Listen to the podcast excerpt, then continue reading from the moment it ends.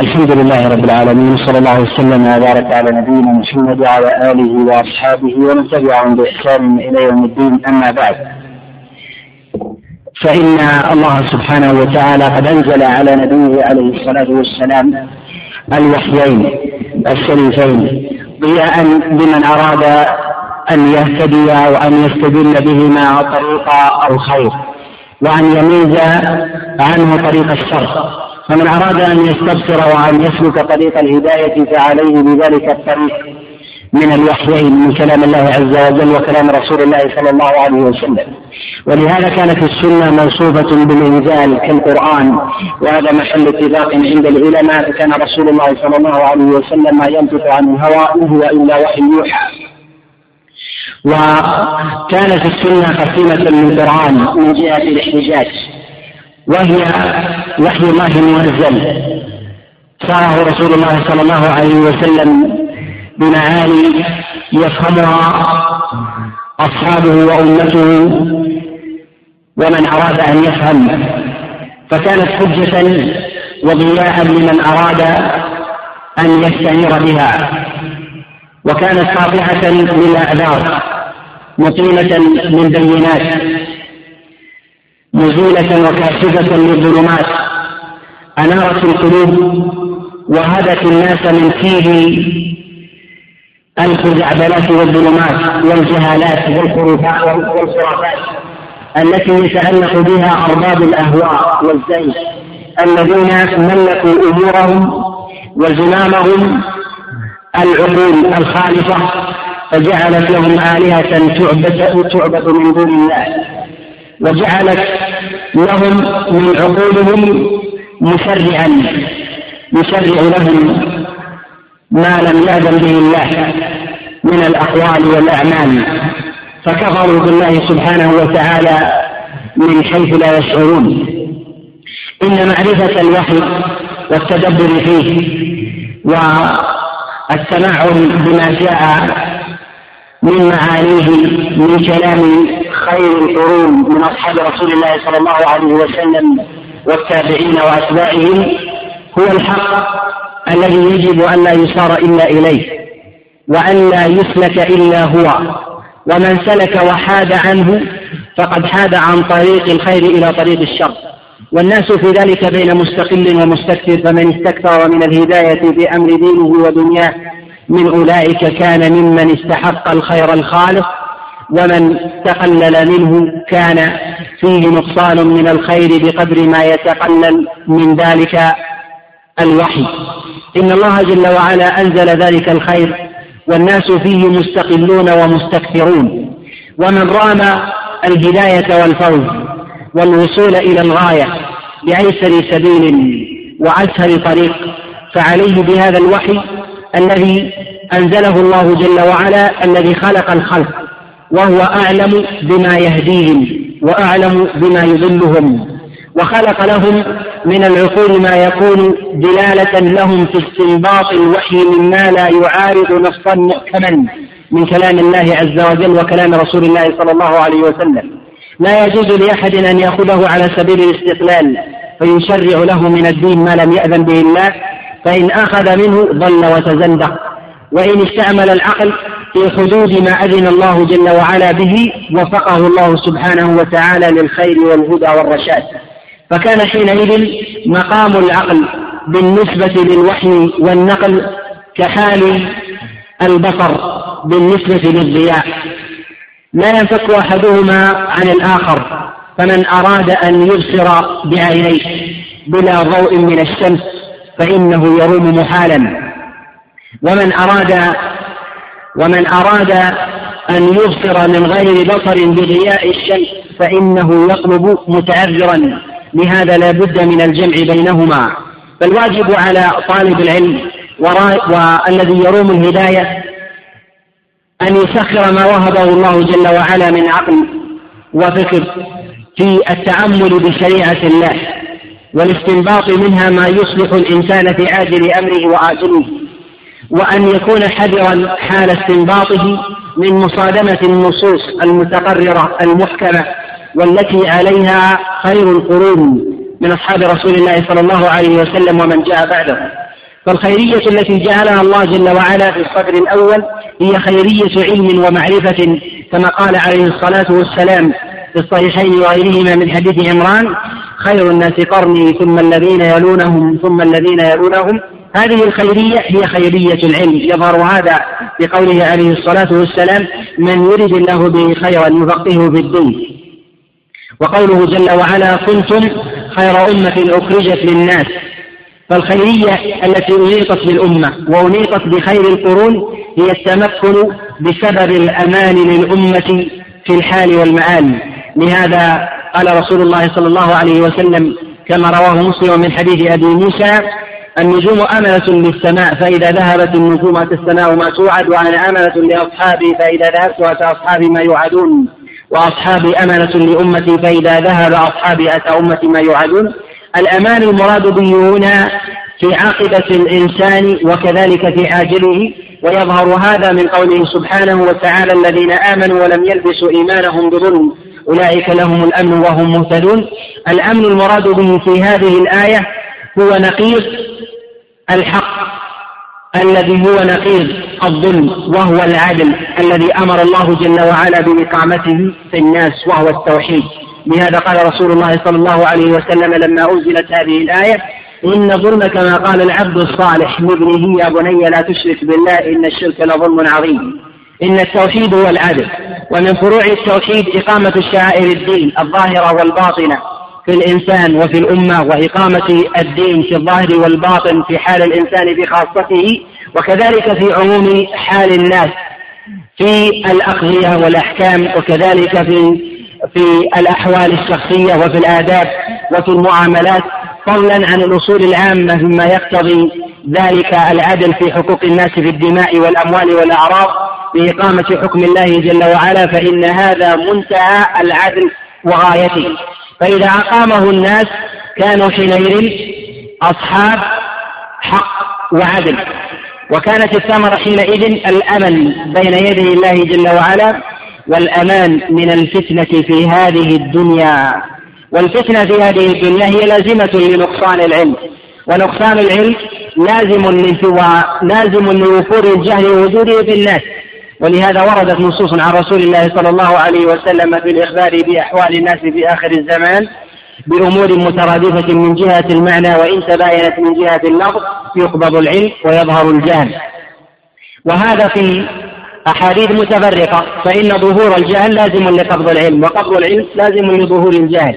وظهور الجهل لازم أيضا لقبض العلماء أو لسكوت العلماء وعدم ظهور ظهور الحق على ألسنتهم. فإذا كانوا كذلك استحقوا أن يوصفوا بالجهل وأن توصف الأمة حينئذ أن توصف الأمة حينئذ بالشر والفتنة. وكذلك الزمن أن يوصف بهذا الوصف كما وصف رسول الله صلى الله عليه وسلم أحوال الأمة في في كثير من الأزمنة في الأعصار المتأخرة في أحاديث كثيرة منها في الصحيحين وغيرهما في حديث حذيفة بن اليمان ومنها ما جاء في السنن وغيره من حديث عبد الله بن عمرو وغيرها.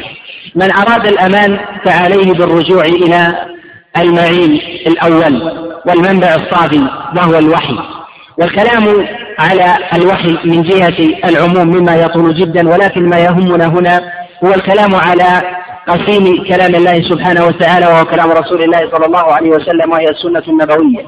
السنة النبوية هي قسيمة للقرآن من جهة الاحتجاج. يجب على من بلغته السنة أن يسلم لها ويدعي إذا صحت وكانت قطعية من جهة الثبوت الدلالة فإذا ثبت لدى الإنسان من السنة شيء حرم عليه أن يخالف ذلك إذا كانت الدلالة في ذلك قطعية. وإن خالفها كان على شفا جرف نار وكان في قلبه مرض إن زاغ متعمدا وحاد عن الصراط المستقيم فيعاقبه الله جل وعلا بتسلسل بتسلسل المخالفة حتى يكون من المخالفين الخلص. ولهذا لا يليق بالمؤمن أن يخالف شيئا من السنة متعمدا ثم لا يؤوب ولا يرجع. وذلك أن التوبة عند المخالفة من علامة أهل الإيمان. ولهذا قد روى ابن عساكر في كتابه تاريخ دمشق عن حذيفة بن اليمان أن رجلا جاءه فقال له هل أنا من المنافقين أم لا؟ فقال أتستغفر إذا أذنبت وتصلي إذا دخلت قال نعم. قال اذهب فما جعلك الله منافقا. والسنة من جهة الأصل ينبغي للإنسان أن يجعل نصب عينيه مع العلم العمل. وذلك أن العمل يثبت العلم ويقي الإنسان من يقي الإنسان من نكوص من نكوصه على عقبيه. ولهذا لا يمكن أن يتحقق في أحد من الناس النكوص عن طريق الإيمان والحيدة عنه إذا تحقق مع العلم الإيمان وهو العبادة. وقد ينتكس الإنسان عن طريق الحق إذا كان من العباد ولم يكن من أهل العلم أو كان من أهل العلم ولم يكن من أهل العبادة ولهذا لا يعرف على مدى التاريخ منذ القرون الماضية من انشقاق فجر الإسلام إلى يومنا هذا من انتكس عن طريق الحق إلا وقد توفر فيه أحد هذين الأمرين ولم يتوفر الآخر. كأن يكون عالما ولم يكن من أهل العبادة أو أن يكون عابدا ولم يكن من أهل من أهل العلم. ومن تحقق فيه هذان الوصفان حماه الله جل وعلا ووقاه وعصمه وهذا مقتضى مضامين الوحي. ولهذا لما تحقق كمال ذلك في الأنبياء حماهم الله جل وعلا وتحققت فيهم كمال العصمة. ولما تحقق كمال العدل والوحي والعلم والعبادة بأصحاب رسول الله صلى الله عليه وسلم قل فيهم الحيدة عن طريق الحق والانتكاس عن سبيل الرشاد. وزاد ذلك في من جاء بعدهم شيئا فشيئا حتى يستقل مع ظهور مع ظهور الجهل وقبض العلم وإن ظهرت العبادة في الناس. فالعلم يقي أكثر من العبادة. وإن اشتركت وانضم مع العلم العبادة فإن الإنسان حينئذ يكون يكون معصوما بعصمة الله جل وعلا له من الحيدة عن طريق الحق إلا ما يقدره الله جل وعلا له من نزوات يسيرة لا تجعله حائلا عن طريق الحق عن طريق الحق بالجملة. إن التفقه في السنة من الأمور العظيمة وهو من التفقه في كلام الله. وذلك أن الله سبحانه وتعالى قد أمر بطاعة رسوله عليه الصلاة والسلام في مواضع عديدة وقرن طاعته, بطاعة رسوله عليه الصلاة والسلام في عشرات المواضع في كتابه العظيم. مما يدل على أن المخالفة لأمر رسول الله صلى الله عليه وسلم هي مخالفة لأمر الله. ولهذا كان أصحاب رسول الله صلى الله عليه وسلم يستدلون بما لا يثبت في كلام الله بكلام رسول الله ويجعلونه من كتاب الله.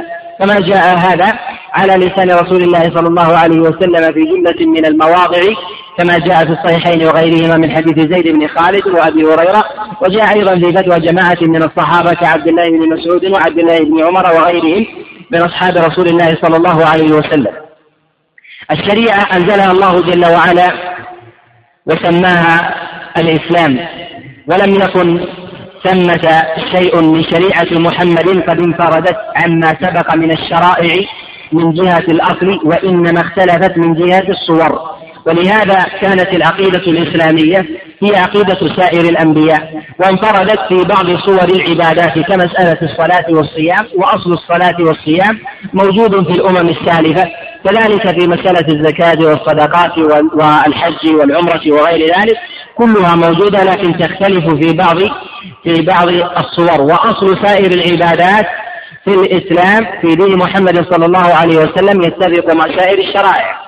فضلا عما كان خارجا عن ذلك مما تدل عليه السلائق والفطر من الأخلاق والآداب والسلوك فإن هذا مما لا ينسخ في سائر الشرائع فإن الشرائع يؤكد بعضها بعضا. أنزل الله جل وعلا هذه الشريعة على محمد صلى الله عليه وسلم ولم يكن ثمة تفريق بين أجزائها فكان العلماء ينظرون إليها إلى أنها الدين. ولهذا لم يظهر علم الشريعة على هذه التقسيمات التي لدى المتأخرين في علم العقائد أو علم الأصول والفروع أو علم التوحيد والفقه والتفسير وكذلك الحديث وعلم الدراية والرواية ونحو ذلك إلا في القرن الثالث وأوائل القرن الثالث. وإن وجد في كلام بعض العلماء في القرن الثاني ما يدل على نحو من هذا فإنهم يريدون بذلك المعاني اللغوية والمعاني الاصطلاحية التي درج عليها. درج عليها العلماء المتأخرون. ولهذا قد ذكر غير واحد من العلماء أن تلقي العلماء الأوائل للشريعة على سبيل الإجمال مع تفرغ الوقت والنهم بالإقبال على ذلك أداهم إلى المكنة في العلم وكذلك الرسوخ في التحصيل وقوة الاستنباط. وذلك أن الشريعة متلازمة فمن نظر إلى علوم الشريعة في أبواب العقائد وأبواب كذلك الفروع من الأعمال الظاهرة كذلك أيضا في أبواب الفقه والتفسير وكذلك الحديث وغيرها يجد أنها تتداخل لأن محترى الوحي والوحي ينبسط إلى النقل والنقل يرجع إلى الرواة والرواة مركبون أيضا من جملة من المسائل سواء ما يتعلق بألفاظ التعديل والتجريح أو ما يتعلق بصيغ السماع. على اختلافها وتباينها. كذلك ذات الرواة يتباينون من جهة أحوالهم من جهة العدالة والضبط ومن جهة اختصاصهم بشيوخهم ويتباينون أيضا من جهة التقليل والكثرة وكذلك من جهة الاختصاص بباب دون باب. وهذا كله ومرده إلى علم واحد يشترك من جهة الأصل في سائر العلوم. فالشريعة كلها لا تثبت إلا إلا من جهة ما يسمى بالصناعة الحديثية أو علم أو علم الرواية. فإذا كان مرد سائر الشريعة إلى هذه إلى هذا العلم دل على اشتراك العلوم وتداخلها بعضها مع بعض. كذلك فإن الإنسان عند حكمه على قاعدة معينة فإنه قد يستفيد. إذا حكم في قاعدة في الفروع يستفيد من الأصول. إذا وجد له ما يشابهها سواء في قواعد قواعد الأصول أو قواعد الفروع أو كذلك أيضا ما يتعلق بنقلة الأخبار. من الرواة من التابعين وأتباعهم أو كذلك ما يتعلق بأصول النقد فإن أصول النقد في أبواب الأصول كذلك هي ذاتها في أصول في أصول الفروع وكذلك في جزئيات الأصول وجزئيات الفروع.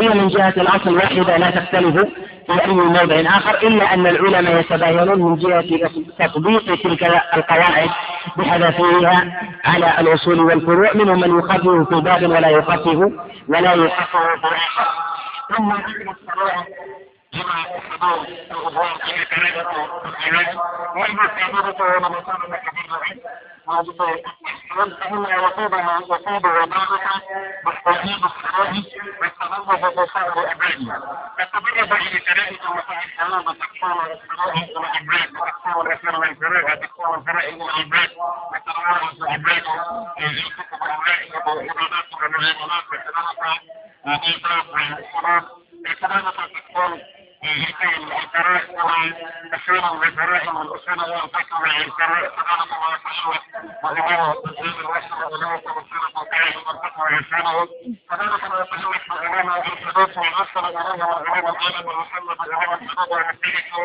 من وصل إلى درجة الوحدة به يجب أن يستخدمها ويترعب ينتصر الهدى والعالم كذلك ما يتعلق بمسائل التفسير ثم تهمة التفسير مع علم وما تهمة فرعات وعلم علم وصلة الجلال أنا أسميه العلماء وتقديرات التفسير والرسالة ويفسر العلماء والإخوة الهوى في السفر الإبراهيم وجب أن يتم وجب أن أن أن الوسائل يستعملون جملة الوسائل يستعملون جملة تحول الزيت والغرام وتتحول الزيت والغرام بالزيت فنفتكر أن ذلك سيكون واقعا فهذا من مدى التحيز والغرام والغرام وتتحول يجب أولا واستبانة المصطلح إلى صدور الغرام فإن ما تتعلمون به في عباد الإحسان كما ندرك ما تفاد الإحسان وعبادة الإحسان.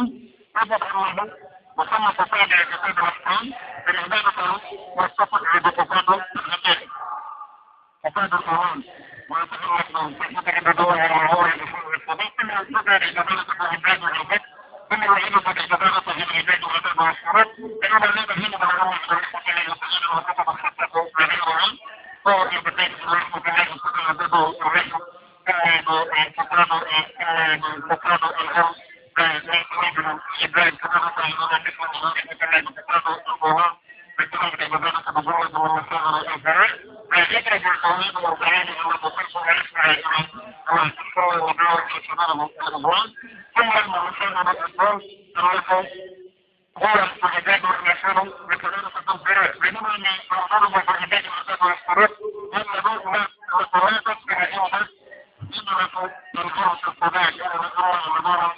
يطلبون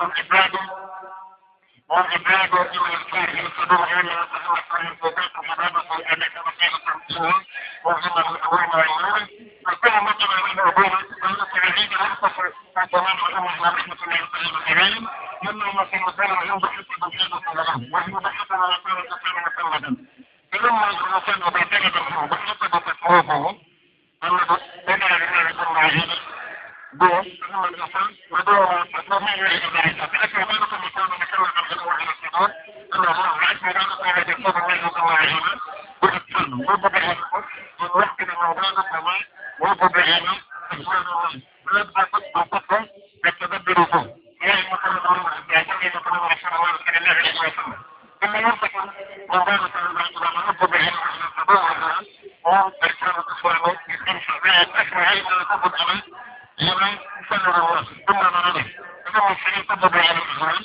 ثم ما كان مضارا ومنصب علم كبير الشريف صلى الله عليه وسلم من المسكته وسلم على سلام الله بالغنى مدورا ثم بكفارة الله والجرام كان يجعلون ما يوعى في السبعين ولا بغنى وراء فهذا تكون سنة الحرام ومن العمار من المعارض فيحسن وصلة وصلة الحسن من كان مدارا منه من المعارض فكانت وصلة أو مصدرة الزكاة ومن دون المكاتب والإرباب والإنزال منه من المكاتب وتبرج المصير تكسير التنهيه المشروع بحسب وإرادة وإرادة ينبغي أن نعلم أن تبرج المصير ذلك يجمع بحسب الحدث والعلوة والعلم الأوقات يجوز الإنسان برسل لكذلك الله وسلام الإنسان وبحسب كلام العرف وليس بالدرائع لما تدرسه بعلم من نصب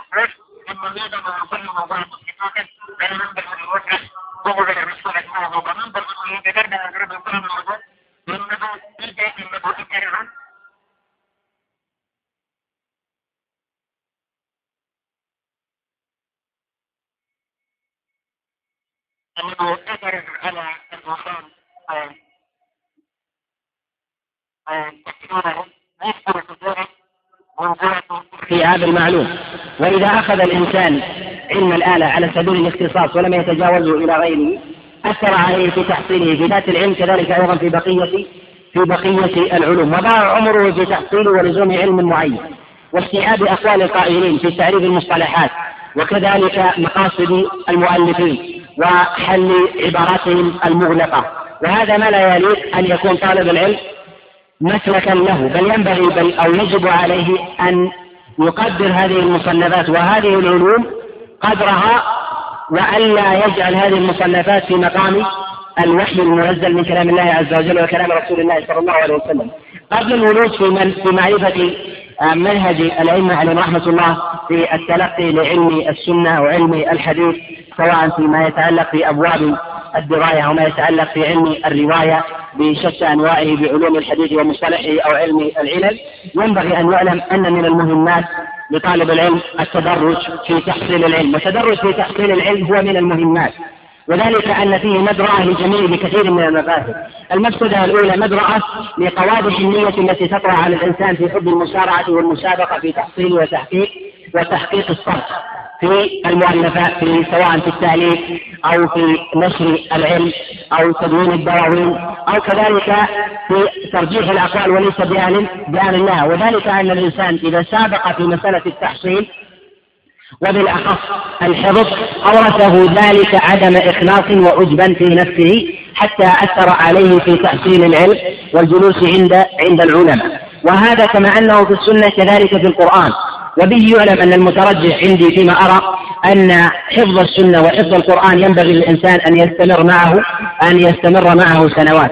والدخول فيما يسمى بالدورات التي يستطيع الإنسان أن يحفظ فيها السنة في في في عشرة أيام أو في عشرين أو في شهر ونحو ذلك يحفظ ديوانا من دواوين آه، السنة أن هذا ليس ليس مترجح. ومن ذهب إليه له وجهة نظر ونظره إلا إلا أن هذا فيما أرى أنه مخالف لما كان عليه السلف من الصحابة والتابعين من جهة التدرج.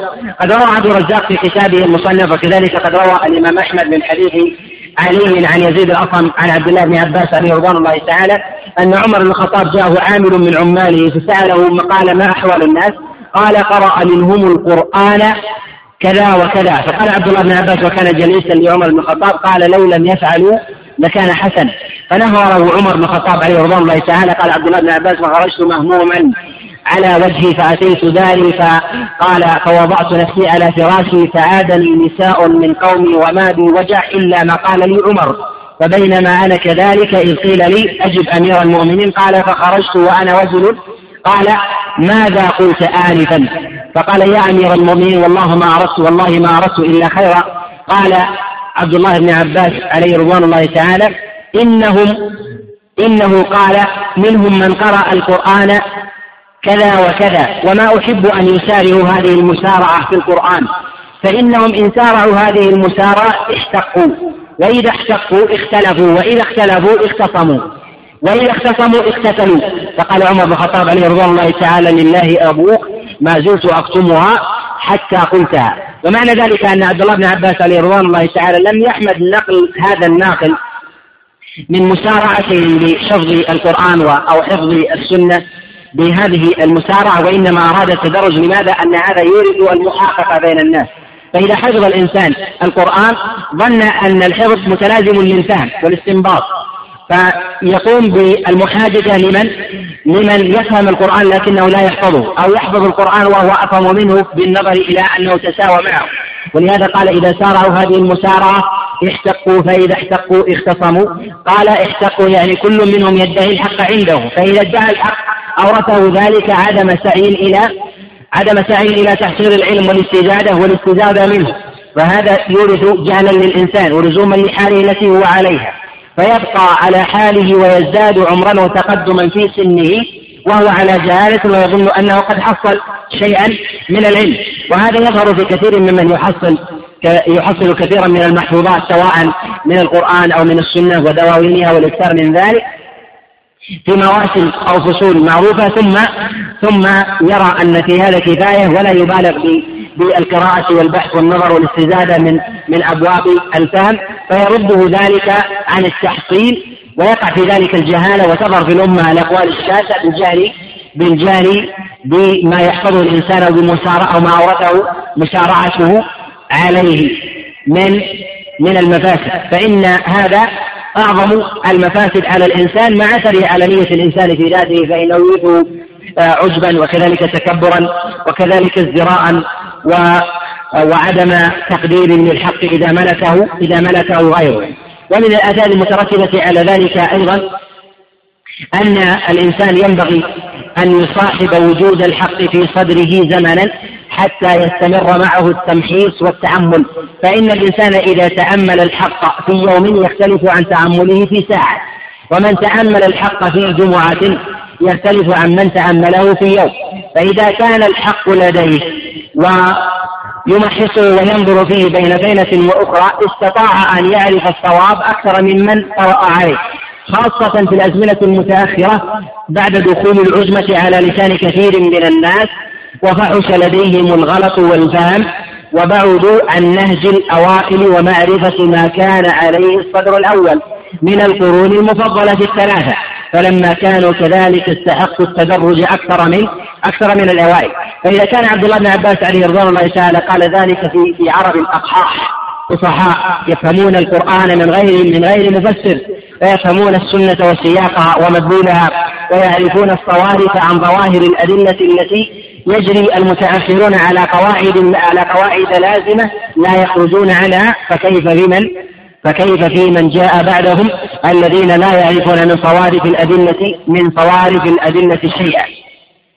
ومن المهمات في هذا أن يعلم أن العلم ينبغي فيه التدرج وسبيل التدرج هو معرفة المصنفات. ومعرفة المصنفات لازم ومقتضي لمعرفة مناهج الأئمة عليهم رحمة الله تعالى في مصنفاتهم. فالأئمة لهم مشارب وطرق في التصنيف. في السنة منهم من يعتمد إفراد الأحاديث الصحيحة ومنهم من يعتمد جمع الصحيح والضعيف ومنهم من يعتمد أبواب الأصول والفروع فيجمع الأحاديث على سبيل الإجماع أصولا وفروعا في العقائد والفقه ومنهم من يجمع في ذلك ما هو أوسع ويدخل في ذلك التفسير وكذلك الفتن والتاريخ والملاحم وغير ذلك. ومنهم من يصنف المصنفات على آراء الفقهاء وأقوالهم. وإذا وجد طالب العلم هذه الطرائق وهذا النهج فإن الإنسان لا يخلو في حال سلوكه ذلك عن عن طرق. الطريقة الأولى أن يقلد شيخه. وشيخه هنا لا يعني من ذلك تسليم التسليم له. فقد يكون الشيخ قد قلد شيخه بطريقة ليست ليست بقويمة. فيتأثر الشيخ ويكون نسخة حينئذ تلميذه عنه ويوافقه فيما هو عليه. ولهذا ينبغي لطالب العلم أن يتنوع في الاستشارة والأخذ. ولهذا ما أورد كثيرا من وسائل التقصير في معرفة قدر العلماء والتحصيل عنهم إلا بلزوم طلاب العلم على عالم أو شيخ معين بعينه فإن الإنسان لا يعرف قدر شيخه حتى يتجاوزه إلى حتى يتجاوزه إلى غيره. فإن تجاوزه إلى غيره وجلس غيره استفاد استفاد منه ما لم يستفده من الآخر وعرف قدر الأول. أو عرف قدر الثاني على الأول ولهذا لا بد من التنوع. فإن الإنسان وإن كان قد قنع بشيخه أنه متبحر في العلم فينبغي له أن ينوع أن ينوع إلى غيره فإن الاختصاص بالحق محال عند أحد من البشر. فربما يمتاز الآخر بباب من الأبواب أو يمتاز الآخر بالإلقاء. أو بالأخلاق أو بالعبادة أو الورع أو غير ذلك أو أو أو من السلوك في تعامل في تعامل العالم مع المتعلم. مما يستفيد معه الإنسان فيتحصل من ذلك علما علما وفيرا. وإما أن يأخذ العلم من هذه الكتب من غير النظر إلى شيوخ ويتدرج في هذا. والنظر في هذه الكتب إما أن يأخذ ويرجع إلى كتب المدونة في هذا الباب في طرائق في طرائق المتعلمين. ما يسمى بمناهج الطلب أو معرفة طريق العلم واعتمد دواوين مصنفة في هذا الباب لكثير من المعاصرين فيرتجل الأخذ عن أحد هذه المصنفات ويسلك طريق طريق هذه المصنف. ولا يستحضر في ذهنه أن هذا المصنف هو يحكي رأي هذا هذا المصنف فقد يكون مصيبا وقد يكون مخطئا. ونحن في كلامنا هنا نجتهد طريقة في معرفة السنة سنة رسول الله صلى الله عليه وسلم ونرجو أن تكون في ذلك الصواب إلا أنني كما أشرت في أول هذا الكلام أنه ينبغي لطالب العلم أن يعرض الكلام من أي متكلم كان على غيره حتى يعرف حتى يعرف الراجح من المرجوح والحقيقة والحقيق بالاتباع من الأحق.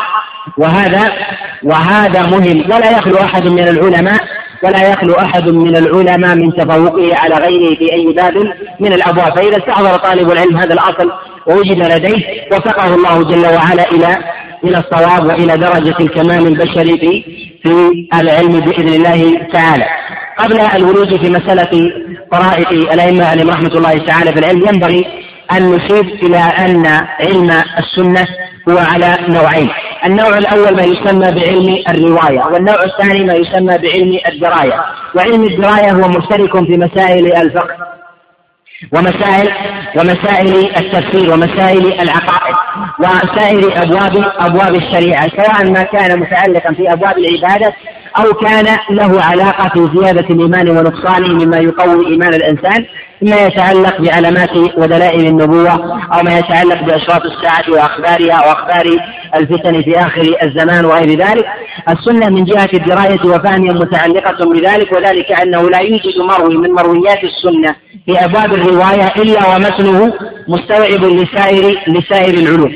وبه نعلم أن من سلك طريق السنة على هذا المسلك استوعب الدين أصولا وفروعا. وإذا سلك هذا المسلك على طرائق الأئمة الأوائل عليهم رحمة الله الذين يصنفون العلم على سبيل الإجمال كطرائق الأئمة من الكتب من أصحاب الكتب الستة وغيرهم فإنه يأخذ العلم من مشرب ومنبع أصيل وصافي ويستطيع حينئذ أن يكون من أهل من أهل التميز والاستيعاب لجميع مسائل الدين في أبواب الأصول والفروع، إلا أنه ينبغي أن لا يغفل أن المتأخرين قد رتبوا جملة من مسائل الدين ترتيبا حسنا ممن لا يوجد عند عند المتقدمين. فصحيح الإمام البخاري في كتاب الإيمان لم يستوعب مسائل التوحيد ومسائل الفقه وكذلك التدليل عليها فثمة جمله من أحكام الدين لم ترد في البخاري. وهذا معلوم. من جهتين من جهة قصد المصنف لم يقصد الاستيعاب ومن جهة أخرى أيضا أن الكمال واستيعاب الدين ليس لأحد من الخلق فإن الكمال في ذلك عن الكمال البشري هو لنبينا محمد صلى الله عليه وسلم فإذا لم يتحقق الكمال في العلم في البشر لأصحاب رسول الله صلى الله عليه وسلم وهم من هم شاهدوا التنزيل وقربوا من رسول الله صلى الله عليه وسلم وعاصروه لم يحصل لهم الكمال فكذلك أيضا لمن جاء بعدهم من باب من باب أولى. وإذا كان الحديث وعلم السنة على هذين القسمين يعلم أن في كل قسم أنواع وأقسام متجزئة هي مترابطة من جهة من جهة العلم. فلا بد أن تتداخل من جهة التحصيل فعلم الرواية هو ما يعنى به علم نقل الحديث وتوثيقه ويدخل فيه علم الإسناد وكذلك صيغ السماع وكذلك القرائن المختفى في ذلك ما يسمى بعلم العلل وكذلك ما يتعلق بعلم الرواة من الجرح والتعديل. وهذه كلها لها مصنفات منفرده ينبغي لطالب العلم أن يكون بصيرا بصيرا بها. وهذه المصنفات لو أردنا أن نسرد في كل باب وفن من هذه الفنون المتعلقة في احد هذين القسمين والمتبرع عنه جملة من الأقسام لطال بنا المقام. ولكن ينبغي لطالب العلم أن يعرف في كل باب في أي مسلك يسلك. ثمة مصنفات قد صنف فيها العلماء بما يسمى بعلم الرواية وما يسمى بعلوم الحديث وقواعده وما يسميه المتأخرون بمصطلح الحديث. هو علم آلة يوصل إلى يوصل إلى معرفة الصحيح والضعيف من سنة رسول الله صلى الله عليه وسلم. ثم يتفرع بعد ذلك التفقه في دين الله وهو ما يتعلق بعلم بعلم الدراية. وعلم الدراية والرواية بينهما تلازم. وقد طرحنا هذا الكلام في مواضع متعددة أنه ينبغي لطالب العلم حتى يكون من أهل الاختصاص والتمكن في في باب أن يشرك الباب الآخر معه. فإذا كان من أهل التمكن في علم الدراية ولم يكن مختصا في أبواب الرواية كان مقلدا من حيث لا يشعر. وربما قال بأقوال مرجوحة لأنه يعمل بأخبار في أخبار ضعيفة. وإذا كان من أهل الرواية ولم يكن من أهل الدراية كان في أهل الفقه في باب الفقه والتعبد مقلد. وفي أبواب التصحيح والتضعيف متحرر لو صح هذا القول. فأراد أن يخرج من أبواب التقليد في علم الرواية فسقط في أبواب التقليد في علم في علم الدراية. وبينهما تلازم. وقد تكلمنا على مسألة العلاقة بين علم الرواية والدراية في مجالس متنوعة يحسن الرجوع يحسن الرجوع إليها. مسألة علم الرواية ثمة ثمة كتب مصنفات في هذا الباب ما يتعلق في علم في علم مصطلح الحديث أو قواعده وعلومه. وقبل الولوج في الإشارة إلى بعض هذه المصنفات يحسن التأصيل في هذا الباب أن يعلم أن هذه المصنفات التي صنفها العلماء عليهم رحمة الله هي جاءت على على لسان أو بأقلام العلماء من المتأخرين. ولم يكن من الأئمة المتقدمين في ذلك من التدوين من التدوين شيء. وإنما طرأ ذلك بعد عصور تدوين السنة. وذلك أن الخير الأول من القرن الأول آخر القرن الأول والثاني وكذلك أوائل الثالث كانوا من أهل الاشتغال بتدوين سنة رسول الله صلى الله عليه وسلم. وتتبع المروي في البلدان. ومعرفة أحوال ما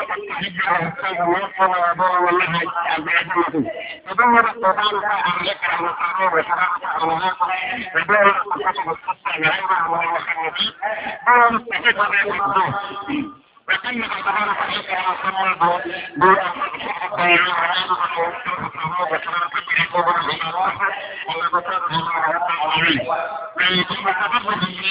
تبارك وتعالى ثم لما لما رأينا على رحلة لما كان على التذكر وضلال البيت كانوا ينهون المرضى مبادا قد طاع بسياسه عزوجين مسلم بالنسبة لما لما نزل لما كان العنصر المنقذ من الوضع ثم يتمكن التوحيد التوحيد السنة للإنسان والشهور وكذلك التزوج بنفسه استيقاظ كل مريض من الجسم وكل مريض مريض معلوم كل مريض بدون الإنسان وكان إذا كان إلى تتوى بسيطة متأخرة يقول لكم المعين ويجيلكم أوراق فهي متقدم وتعلم من الأصول وتدرك كثيرا من تكتبه إن الرسول متذكر دون الذين متذكرون دون الخلق شيء مدورا غير متذكر وانه وخارج والإكرام إلى أنه يواجد الوضع في الرسل المكان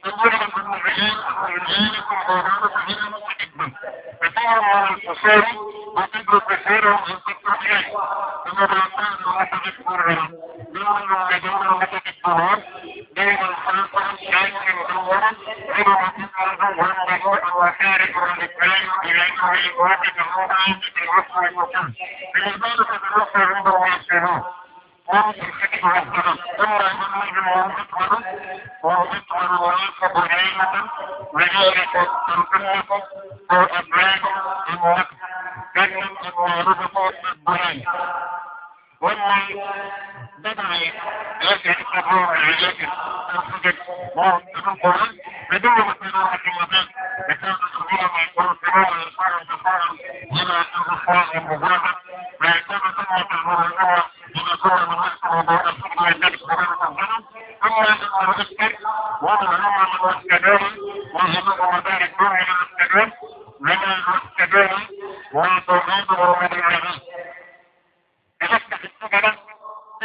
ولهذا من نظر إلى المصنفات الأسانيد استطاع أن يقسمها على قسمين متقدمة وهي في أول التدوين وهي أصلها من جهة محفوظ أو بعض أو بعض مدون وأكثر محفوظ فدونوها في المصنفات ثم جاء بعد ذلك أقوام حدثوا عن تلك المصنفات بأحاديث ورووها وهي في أصلها كتب قد نقلت إليهم سواء عن طريق الإجازة أو عن طريق الوجادة فمسند الإمام أحمد وكذلك الكتب الستة وسنن الدارمي وابن خزيمة وابن حبان هذه دواوين قد رووها سماعا على سبيل الإفراد في الأغلب.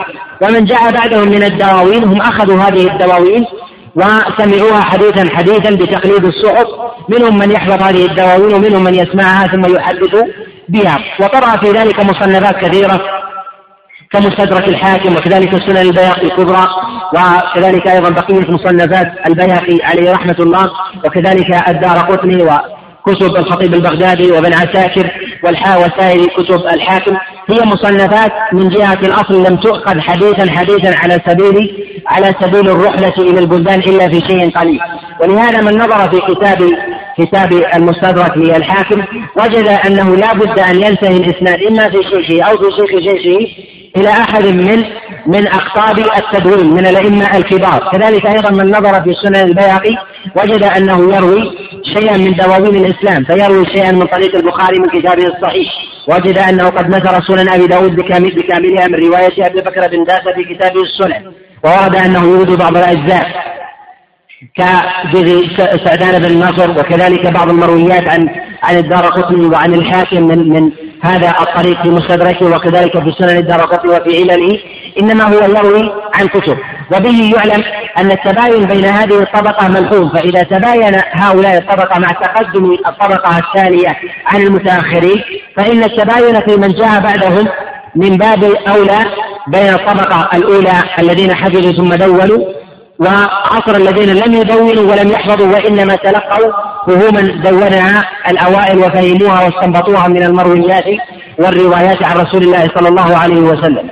لما دونت هذه الكتب ووضعت على هذا النحو الذي بين بين أيدينا من دواوين الإسلام ما يسمى بالكتب المصنفة على الأبواب والمسانيد والمعاجم والأجزاء لم يحتج الناس إلى إلى طوف البلدان وجوبها بتتبع الاحاديث من افواه الرواة وإنما كانوا بحاجة إلى تمييز الأحاديث صحيحها عن ضعيفها. فدون في ذلك جماعة من الأئمة بما يسمى بعلوم الحديث ومصطلحيه أو قواعد الحديث فدونوا في ذلك مدونات كعرام هرمزي في كتابه المحدد الفاصل والخطيب البغدادي في مصنفاته العديدة ككتابه الكفاية وكذلك الجامع. والفقيه والمتفقه وغيرها وصنف في ذلك أيضا جماعة من العلماء من علماء آه، من علماء آه، المغرب الأقصى وكذلك من بعض علماء الشام وكذلك العراق دونوا في ذلك مصنفات في علوم الآلة. وهذه المصنفات أخذوها من جهة الأصل من أقطاب علم الرواية أخذوها من الكبار كالإمام أحمد وعلي بن المديني ويحيى بن معين والبخاري ومسلم. وهذه القواعد التي أخذوها في هذه المصنفات وجمعوها أخذوها من مسائل منثورة. فيوجد في كلام الإمام أحمد في مسائل في مسائله في الفقه وفي العقائد وفي التاريخ وفي كتابه المسند شيئا مبثوثا من مسائل التعليل والكلام على الرواة. فلما كان الأئمة الذين جاءوا بعدهم أهل صبر ودراية ونظر وتقدير لهؤلاء الأئمة استطاعوا أن يستنبطوا من ألفاظهم على الأحاديث وكذلك إطلاقهم لجملة لجملة ألفاظ أن يستنبطوا منها قواعد يستطيعوا أن يخرجوا منها مع تأليف غيرها مصنفات تسمى بقواعد الحديث أو علوم أو علوم الرواية. فصنفوا ما يسمى بقواعد الحديث بأنواعها ثم تدرج العلماء عليهم رحمة الله في هذا التصنيف فتوسعوا في هذا حتى أصبح عند المتأخرين ما يسمى ب علم قواعد الحديث ومصطلح الحديث علما مستقلا في ظن كثير من الناس. ينبغي للإنسان أن يقضي فيه عمرا طويلا حتى يستوعب هذا العلم. بل صنف في ذلك مجلدات عريضة وألف في ذلك منظومات وألفيات طويلة ينوء بها الإنسان عمرا ويضيق بها وقتا حتى قضى في تتبع أمثال هذه المصنفات عمر كثير من طلاب العلم عن تحصيل المقصد الأسمى. وينبغي أن يعلم كما تقدم أن تنوع المصنفات عند العلماء في كل باب من الأبواب لا يعني أن الحق هو في هذه المصنفات على سبيل الانفراد بل أنه ينبغي أن يعلم أن هذه المصنفات يغني بعضها عن بعض. بل أن هذه المصنفات قد يكون منها ما هو غثاء ومنها ما هو زبد. وقد يوجد في بعض المصنفات ما يحتاج إليه الإنسان وإن كانت موصوفة بالفضول. ولهذا ينبغي لطالب العلم أن يقصد من جهة الأصل إلى مصنفات تكفيه وتغنيه ابتداء من جهة التلقي حتى يستوعب هذا العلم ثم ينتقل إلى إلى الأصل الذي يريد أن يقصده الإنسان في الاستيعاب. لهذا ينبغي لطالب العلم في علم في علم الرواية العناية بعلم مصطلح الحديث وعلم الحديث بالأخذ عن المختصرات على سبيل على سبيل الابتداء والعناية بالمختصرات في هذا المصنفات هي الأولى. ومصنفات المتأخرين في علم مصطلح الحديث وقواعده أقعد من من المصنفات التي ابتدأت في هذا الباب. وذلك لسهولة عبارتها وكثرة مسائلها وكذلك تفصيلها عن إجمال كثير من المصنفات. فحينما ننظر في في مصنفات آه، الخطيب أو أو مثلا أول من صنف في ذلك كالرامة هرمزي في كتاب المحدد الباطل نجد أن ثمة إجمال في هذا الباب. ونجد في كتب المتأخرين ما يناسب المتأخرين أكثر من النظر في تلك القواعد التي دونها المتقدمون.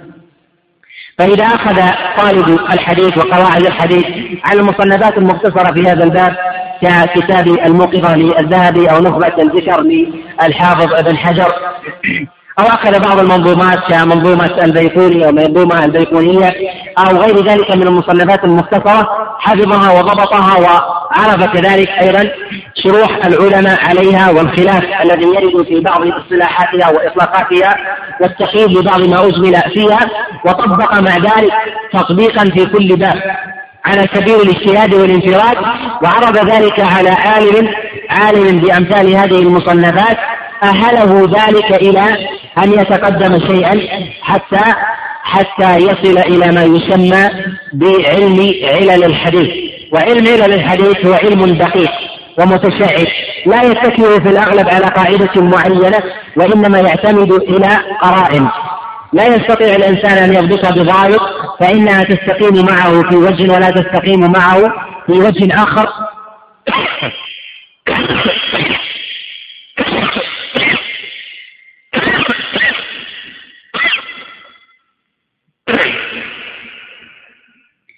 فإن هذه القرائن قد تستقيم مع الإنسان في موضع ولكنها لا تستقيم معه في موضع آخر. لهذا يجد الإنسان في ذلك اضطرابا كثيرا ما لم يكن من أهل من أهل التمكن في هذا العلم. والتمكن في ذلك لا يمكن أن يتحقق للإنسان إلا ويصاحبه وإلا ويصاحبه جملة, جملة من الأمور. الأمر الأول أن يكثر المحفوظ لدى المحفوظ لدى الإنسان. وكثرة المحفوظ أن يستوعب الإنسان السنة في ذلك حفظا وحفظ السنة قد يقول قائل أن في هذا إطلاقا يحتاج إلى تقييد والسنة عامة. يقال أنه يكفي يكفي طالب العلم في ذلك أن يحفظ أن يحفظ خمسة آلاف حديث وخمسة آلاف حديث بلا بلا المكرر. أن يضبط هذه الأحاديث حتى يستطيع أن يميز تفرد الحديث في باب من الأبواب. فإذا حفظ حديثا أو ورد عليه حديث في أبواب الصلاة استطاع أن يقرن هذا الحديث بأحاديث الباب أو ورد عليه حديث من الأحاديث في أبواب الزكاة أن يقرنه بما لديه من محفوظ وإنما صرنا إلى تحديد هذه الخمسة آلاف وذلك أن الأئمة الأوائل عليهم رحمة الله قالوا أن مجموع ما عليه مدار الدين هو خمسة آلاف. جاء النص في ذلك عن غير واحد. جاء عن شعبة ابن الحجاج وعبد الرحمن ابن مهدي ويحيى ابن سعيد والإمام أحمد و وكذلك علي بن المديني وجاء عن غيرهم من الأئمة أن ما عليه مدار الدين هو قرابة خمسة آلاف. هذا من جهة الأصول والفروع. ولا يدخل في ذلك ما لا يتعلق في أحكام في أحكام الشريعة من مسائل فضائل الأعمال وكذلك ما يتعلق في أبواب السير والمغازي وفروع فروع مسائل مسائل التفسير وكذلك التاريخ وأشراط الساعة ودلائل النبوة فإنه لا يندرج في ذلك وإنما يندرج في ذلك في ذلك أصولها. أما الأصول الكلية في الدين فإنها مجموعة في 500 حديث كما ذكر ذلك ابن القيم عليه رحمة الله في إعلام الموقعين قال ما عليه مدار الدين 500 حديث وفصلها وتفصيلها 5000 وخمسة آلاف إذا تحققت لدى الإنسان محفوظا بلا مكرر استطاع الإنسان أن يحكم على حديث من الأحاديث بالنكارة لعدم اتساقه اتساقه على أبواب الدين مما لديه مما لديه محفوظ. فإذا حفظ هذا العدد على هذا الضبط الذي تم وصفه على أحكام الدين وإخراج تلك الأبواب فإن الإنسان إذا أكثر من المحفوظ في التاريخ والسير والمغازي وبلغ هذا العدد فإن هذا لا يغنيه مما مما أردنا مما أردنا شيئا. فإذا ضبط المتون وعرف وعرف مواضعها أيضا. استطاع ما ذلك إذا ورد لديه مثل من المتون الأحاديث مما لا يحفظ أو كان مما يحفظ استطاع أن يقرنه بغيره. استطاع حينئذ أن يحكم على الحديث بالنكارة أو الشذوذ أو المخالفة وعدم الاتساق عما كان عما كانت عليه السنة.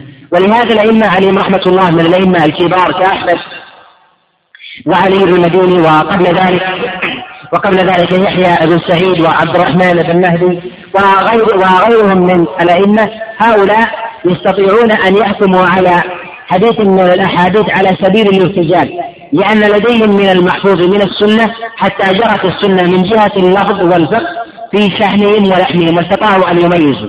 كحال أحد الناس حينما يعاشر شخصا ويخالطه عقدا أو عقدين يستطيع أن يستنكر ما ينقل ما ينقل عنه من أحاديث لأنه لا يتسق عما عرفه منه. ولهذا علم النقد والتعليل هو علم عقلي متمحض لا يخالط الشريعة في شيء. ومرده إلى إلى ذكاء الإنسان وقوة وقوة تبصره في هذا الباب. فلما فاق الأئمة عليهم رحمة الله تعالى ذلك بصفاء ذهن وزكاء نفس وصاحب ذلك صلاح صلاح نية وطيب السريرة واقترن مع ذلك تفقها في دين الله كان من أحذق الناس في في الحكم على الأحاديث من جهة التعليل ومن جهة التصحيح. ولازم ذلك أيضا أن يكون الإنسان عارفا بأحوال بأحوال الرواة. ومعرفة أحوال الرواة يرجع إلى معرفة الدواوين وتقدم أصحابها بعضها على بعض. وقبل الولوج في مسألة معرفة معرفة الدواوين التي تعتني في مسائل في مسائل معرفة أحوال الرواة ينبغي الكلام على مسألة المحفوظات. المحفوظات التي يتقدم الكلام عليها. الذي قرأ ويظهر لي وأراه الأصوب لطالب العلم أن يبتدئ في حفظه من سنة رسول الله صلى الله عليه وسلم أن يرتقي سلما تدرجا في المحفوظ فيعتدي على سبيل الابتداء بما يسمى بالأحاديث الكلية أو جوامع الكلم وذلك أن رسول الله صلى الله عليه وسلم كما جاء في البخاري وغيره قال بعثت بجوامع الكلم. المراد بجوامع الكلم كما فسر ذلك الزوري وغيره في الصحيح قال هو ان أن تروي كلاما كثيرا بألفاظ قليلة أو يجمع معاني كثيرة بألفاظ قليلة.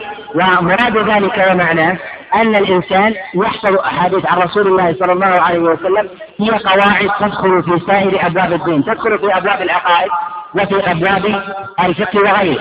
وهذا ظاهر مثلا لو أخذنا حديث إنما الأعمال بالنيات لوجدنا أنه يتعلق في أصول الدين ويتعلق في فروعه بل يتعلق بسائر أبواب أبواب الملة مما يتعلق في الأعمال والآداب بل يتعلق أيضا في أبواب العادات. فهو داخل فيها فقد ينتقل الإنسان في عمله من العادة إلى التعبد والثواب على ذلك لأنه صاحب عمله نية خالصة تستحق الإثابة على ذلك. أن يبتدي بما يسمى بالأحاديث الكلية أو جامع الكتب من المخلفات لذلك من المخلفات ذلك كتاب الحافظ بن عساكر الجوامع الجوامع الكلية وكتاب الإمام النبوي مجرى ألفة من أربعين ورمضان الإسلام ورمضان أربعين ولمية وما يسمى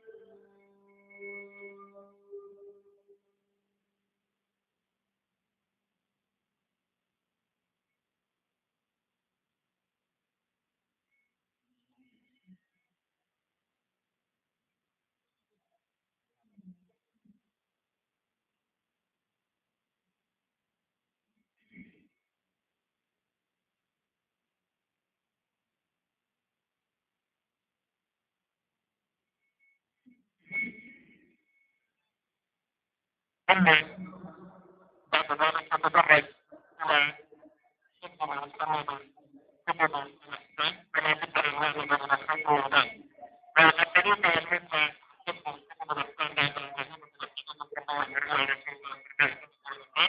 وأولا هو العرف الذي يسمى بالتلفان أو كتب السنة المدونة على صدور الفن ورسول الرسول ذلك هم نقول يريد فينا أن تحديد الأحكام بتعلم الشغال بما على صدور فريد الكفاية على فريد الهلال الهدي بدون ما على فريد الكفاية ما يتعلق بالمسام والتعارف والاستعاد وما يتعلق بالمسام والأجرب هو ومنسكات التطبيق على الإنسان العلم بالإمام على صدور التحقيق كلمة هم الثاني كلمة نعم وهذا المسام بمعنى الهدف أثبت التطبيق عن وصفه وظهر الله عن وصفه وصفه وبيانه أهم يستطيع الإمام يحكم هو ما يحكم وظهر الأمر الثاني أن كتب الإحكام هو الكتب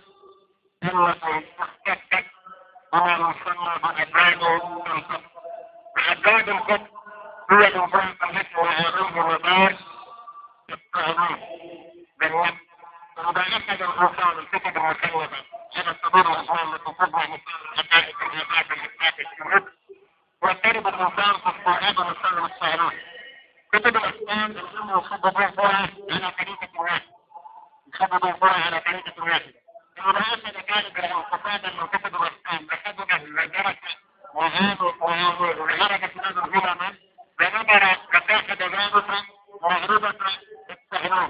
فكان يسمى الله تهريم فراد العلم ويذكر القضاء غير موجب قضاء الكتابات وثم ذلك تدادا والأباد والأباد والسين ثم أخذ باعتبار الصعوبات والصعوبات والأباد الصور بالمجال يتدين الإمام الصور ونحن ذلك وجب أن يتم تكتيرات دورنا هذا الأخلاقات أنا بعيدا هم عدالة الأخلاق ورجال التصوير تحية الجمعة هذه النقطة المختلفة بجانب على نفس البطاقة والتكفير والصحة والصلاة والسلام الصحيح وبالذات والمراد واستعمال بدون المكان تجري وكانهم ثم تقدم تعطيات صحة النفس والعباد والعباد الاقتراض.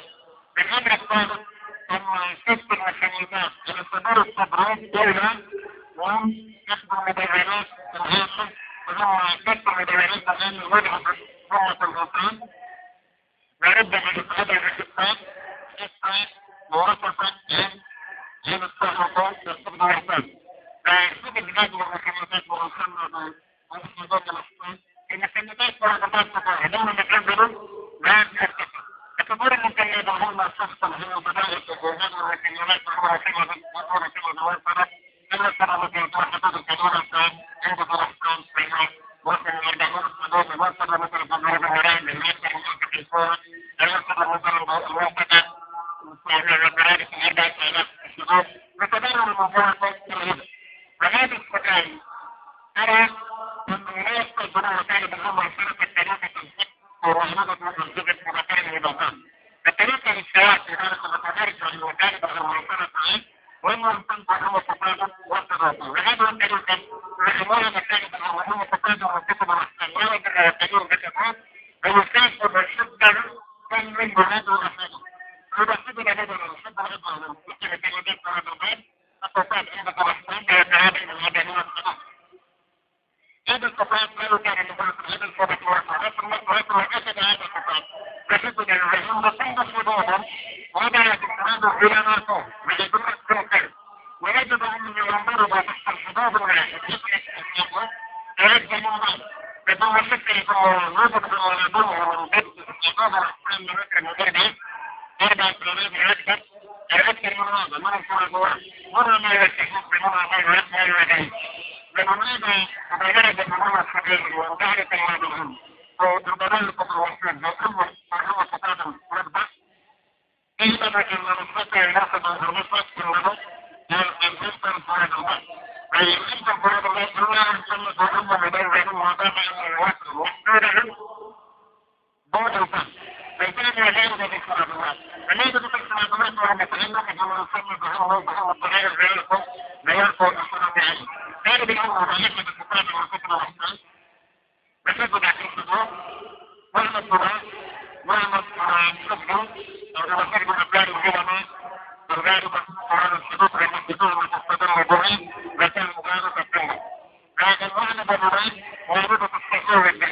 انه صبر لك ومساعد مساعدة الوحدة وهو المسلم وسلك هارون الوحدة وغدرت على تستوى غيره وينظر الطبيعة بالأسماء فإنه كتب رجل حدودا فهو جسر أو يكتب حدودا دون الأسلام حتى نستطيع أن نصر ذلك أن يكاشف قبل المكان الحدود أن يكاشف محترى الجبال فثمة استخدام مدى الإنسان على المسلم تتابع المحددات وتصيصون الناس بين العبادة.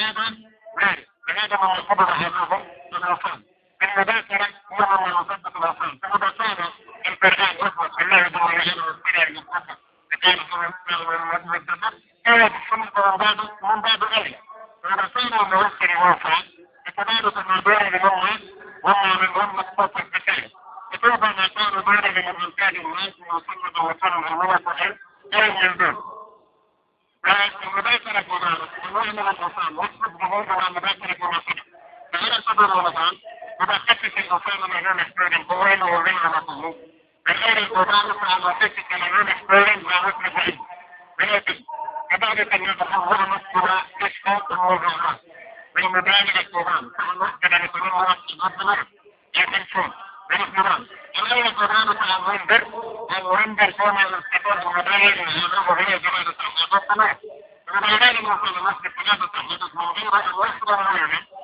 ونجد أن لديه بضع سنوات من جوه مرة محبتين من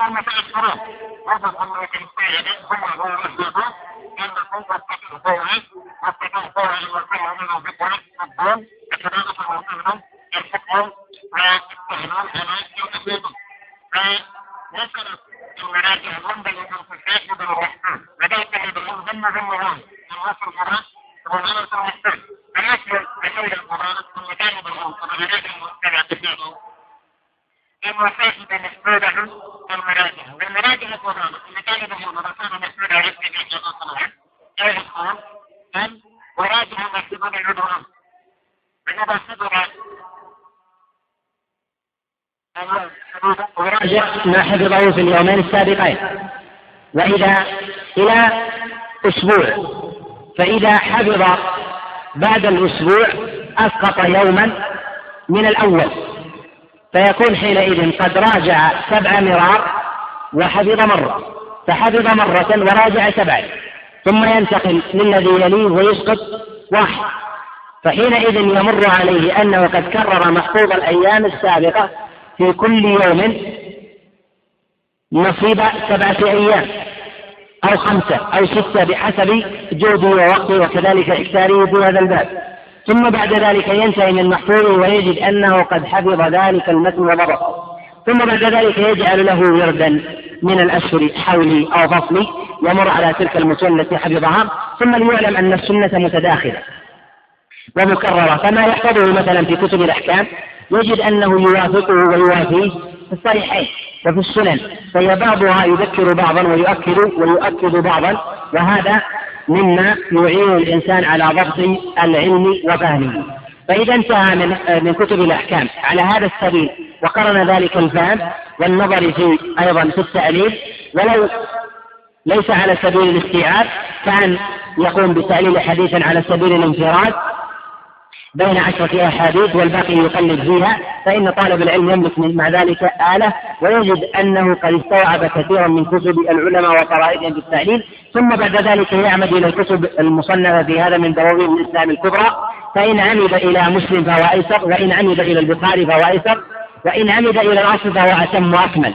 وإن عمد إلى المدونات من المختصرات للصحيحين فهو حسن مما لا يحجب شيئا. من المصنفات التي لم تحدث شيئا من المختصرات كتاب تلخيص القرطبي الذي عليه الشرح وهو المفهم شرح صحيح الإمام مسلم وهو شرح للتلخيص.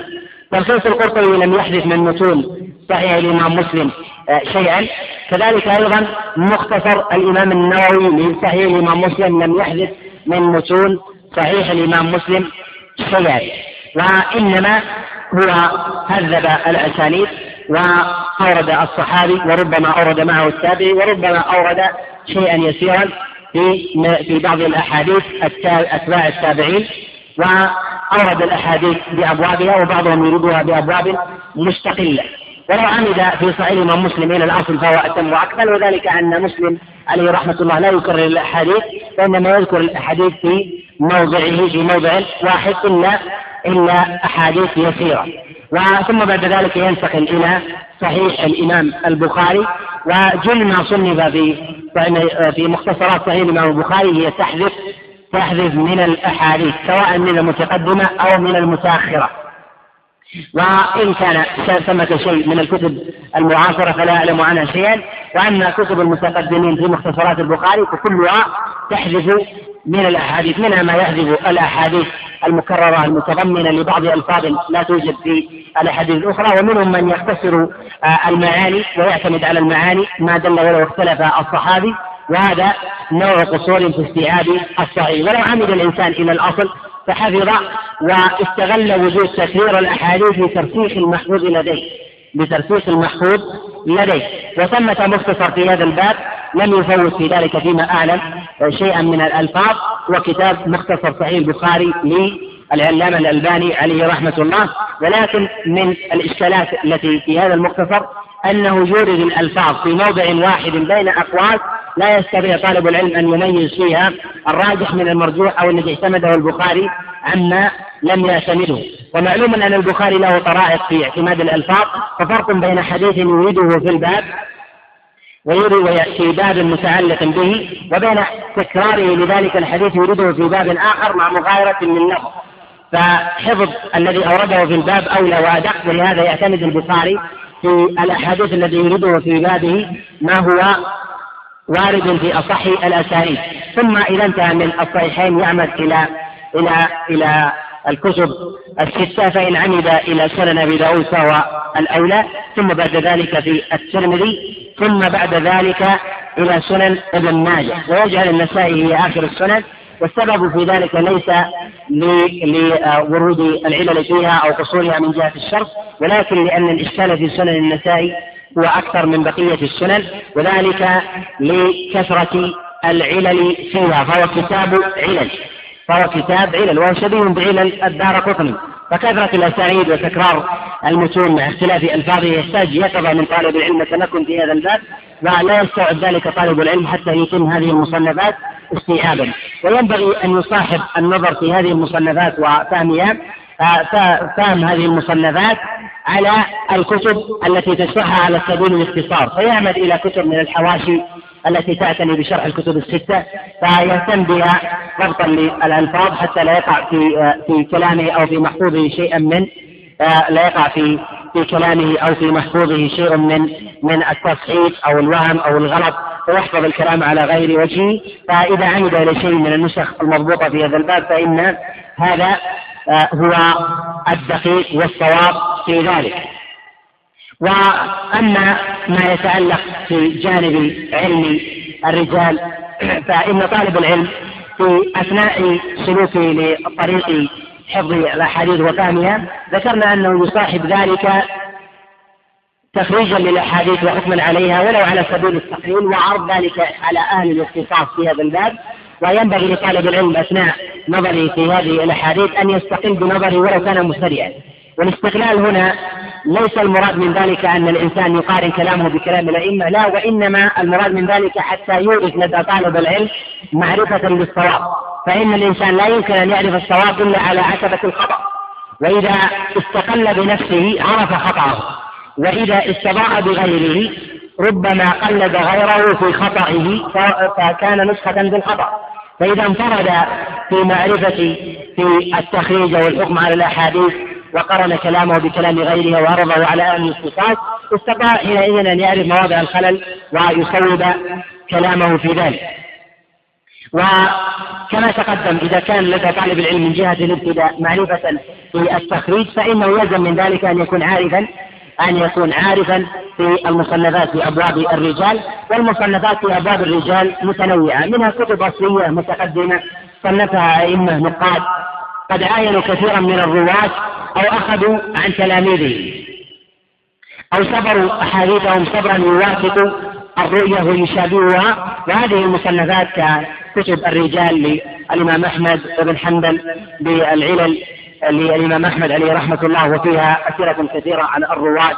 وكذلك أيضا كتاب التاريخ للإمام البخاري والجرح التعديل لابن أبي حاتم وكذلك الكامل بهذه والضعفاء للعقيلي والضعفاء للبخاري والكنى للبخاري والكنى للإمام مسلم والسؤالات سؤالات الدار قطني وسؤالات أيضا الإمام أحمد وغيرها من المصنفات في هذا الباب كالتاريخ لتاريخ يحيى آه، ابن معين والتاريخ والدواوين المشهورة في هذا الباب كتاريخ آه، ابن عساكر وغير ذلك. هذه هي كتب آه، مشهورة في الرجال.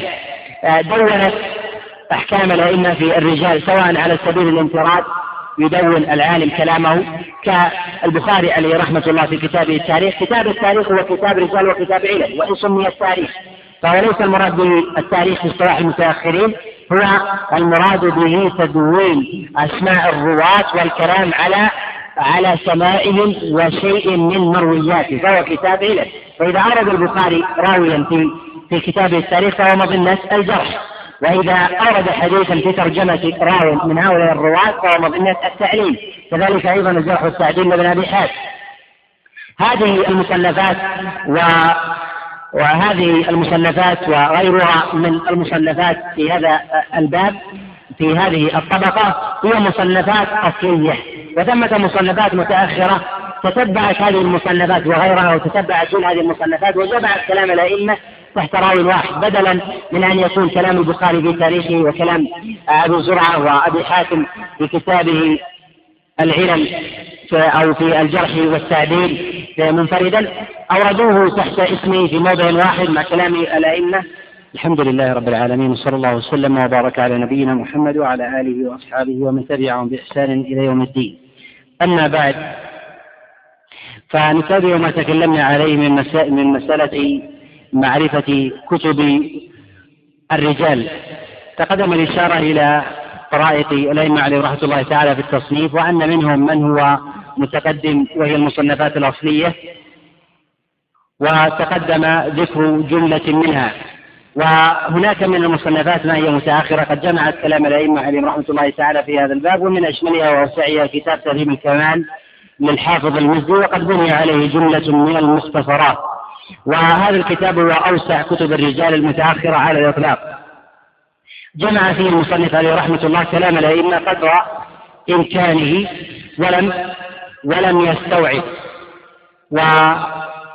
وأورد تحت كل راوي جملة من المسائل المتعلقة فيه منها ما يتعلق في ذاته من ميلاده وكذلك وفاته وكذلك شيئا من سيرته الذي يتعلق وله أثر في في مرويه كأن يكون مثلا من أهل القضاء أو العدالة أو الأذان أو الإمامة أو الفقه والديانة والورع مما له أثر في في شروط روايته عند الأئمة المذكورة في كتب قواعد الحديث. ويورد شيئا من أحاديثه ومروياته التي رواها عن رسول الله صلى الله عليه وسلم يذكرها بالأسانيد إن كان يذكرها بالأسانيد إن كان له مرويات في الكتب الستة وإن لم يكن له شيء من الكتب الستة فأورده على سبيل التمييز عن غيره. ربما لا يورد له شيئا في هذا الباب ممن كانت هذه هذه حاله. وهذه المصنفات هي من العمد في هذا الباب. وإذا اعتمد الإنسان على الكتب المتأخرة وأشهرها تهذيب الكمال فإنه لا حرج عليه لكن ينبغي أن يتنبه لأمور أولها أن الحافظ المزي عليه رحمة الله يورد في كتابه تهذيب الكمال ألفاظ الأئمة في الجرح والتعديل على هذا الراوي مجتزأة في كثير من المواضع عن سياقها فربما كان لفظ الإمام في التعليل جاء في سياق إعلان خبر من الأخبار. ومعلوم أن الأئمة إذا نظروا في إسناد من الأسانيد وكان فيه علة والراوي الذي روى هذا الخبر أو الإسناد في هذا الخبر أقل أحوال رجاله من هو موصوف بالصدق. تارة يصفون الحديث بالضعف إذا تفرد به الراوي الصدوق ولا يحتمل معه تفرده فيقولون تفرد به فلان وهو ضعيف. فيرد في ترجمته أن أنه ضعفه فلان. كذلك أيضا مما ينبغي أن يتنبه له أن الحافظ المزي عليه رحمة الله لم يستوعب ألفاظ الأئمة في الجرح والتعديل. لهذا ينبغي لطالب العلم أن يرجع إلى إلى كتب المصنفة في الأصول في التحقق من هذين الأمرين. الأمر الأول في معرفة السياق كلام الأئمة في الجرح والتعديل الأمر الثاني في تتبع الألفاظ الأخرى التي لم يقف عليها لم يقف عليها أو وقف عليها وظن أنها مندرجة في في كلام في كلام الأئمة مما ذكره والكمال في هذا الكمال في هذا ليس لأحد من من الأئمة. والإمام المزي رغم جلالته وتقدمه في هذا الفن إلا أنه في هذين الأمرين ينبغي لطالب العلم أن يكون متيقظا ومتنبها لبعض ما يلد في هذا في هذا الباب. حتى يكمل له باب النقد الجرح والتعديل للراوي فيكون في مقام في مقام السلامة والصواب قدر قدر إمكانه. والمصنفات في الرجال ليست بكافية حتى يحكم الراوي أو يحكم الناقد على حديث من الأحاديث بأنه من الصحيح والضعيف حتى يملك ما تقدم الحفظ من الأحاديث عن رسول الله صلى الله عليه وسلم في الأحكام على وجه الخصوص. فإذا ملك آلة الحفظ وملك أيضا معرفة كلام الأئمة في الراوي من جهة التصحيح والتضعيف من جهة التوثيق وكذلك التضعيف. كان حينئذ مالكا لأصل آلة النقد إلا أنه لم يتأهل. والتأهل لابد من توصل مجموعة من القرائن في هذا الباب أو الصفات التي تمكن آه، طالب العلم من الأهلية في النقد وإذا ملك طالب العلم الحفظ وكذلك ملك معرفة آه، كلام الأئمة عليهم رحمة الله تعالى على آه، الرواة فإن هذا إذا صاحبه معه معرفة كلام الأئمة في التعليل على هذه الأحاديث وكذلك معرفة كلام الأئمة عليهم رحمة الله في الفتيا فإن الرواة للأحاديث على ضربين. الضرب الأول رواة يعتنون بالرواية لا عناية لهم بالدراية ورواة لهم عناية بالدراية مستقل ومستكثر فالرواة الذين لهم عناية بالدراية ينبغي لطالب العلم أن يعتني بهم عناية خاصة وأن يتفاوتون بحسب اختصاصهم وبلدانهم فالمدنيون يختلفون قوة عن غيرهم. فيأتي في صدارة ذلك المدني المدنيون ثم المكيون ثم يأتي بعد ذلك الشاميون ثم يأتي بعد ذلك البصريون فالكوفيون فالمصريون فاليمانيون ثم بعد ذلك يتفرق الفقه في أهل البلدان. وينبغي لطالب العلم أن يتبصر بمعرفة طبقات الرواة. الراوي أن يتم أن أن يعرف الراوي هل له اختصاص بالدراية أم لا؟ فإن اختصاصه بالدراية له أثر في معرفة روايته. وذلك من وجوه متعددة منها إذا كان الراوي الذي روى هذا الخبر من أهل الدراية فيلتمس طالب العلم رأيه في هذا الباب. فإنه إن وافق مرويه فإن هذا من القرائن على القبول. كذلك إذا عرف مروية أو رأي شيوخه في هذا الباب من أهل الدراية فإن هذا يدل على يدل على صحة مرويه أو يكون ذلك من القرائن المرجحة عند عند الصلاة كذلك إذا عرف ما عليه فقهاء البلدان عرف مواضع الإجماع ومواضع الخلاف ومواضع الشذوذ واستطاع حينئذ أن يضعف أو يصحح ويعرف ما ينفرد به الراوي عن أهل أهل قرنه. وهذا كما أنه في كل الطبقات كذلك قد يختص في طبقة من الطبقات دون دون غيرها. كذلك أن يعرف طبقات الراوي من جهة من جهة عمله في يومه وليلته فإن القاضي يختلف عن المؤذن والمؤذن يختلف عن الإمام والإمام يختلف عن المجاهد في سبيل الله فإن جهة الاختصاص من جهة العمل لها أثر في في ترجيح مروي الراوي. والكلام على أسماء الرواة في وأهل الاختصاص مما يطول جدا وليس هذا محل بحثه موجود موجود الوقت ولكن ينبغي لطالب العلم أن يعتني في الرواة. فيعرف الرواة المدنيين وكذلك المكيين وأهل الاختصاص من المدنيين فيعرف المختصين بأبواب العباده والمعاملات من المدنيين كذلك المختصين بابواب بأبواب المناسك وغيرها من الحجازيين وكذلك المختصين بأبواب الفقه والرأي والمختصين في أبواب السير والمغازي والمختصين في أبواب التفسير.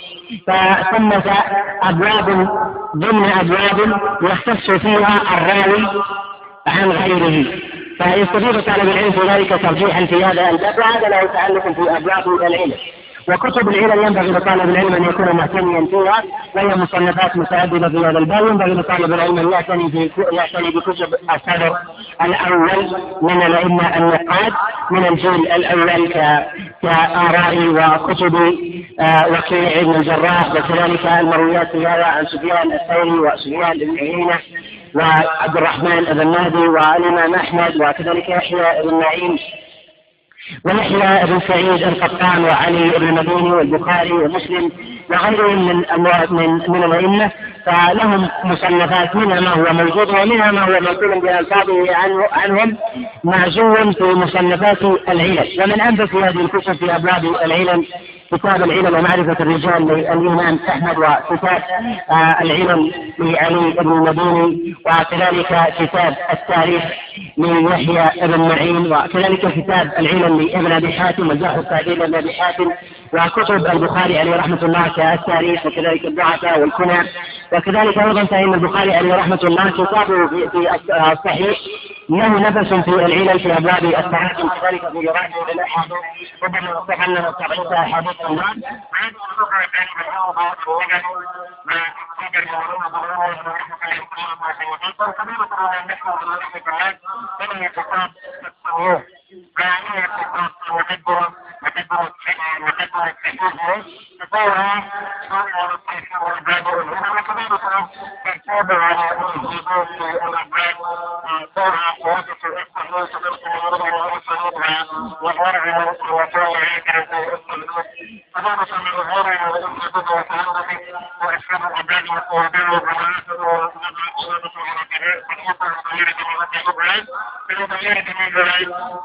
من من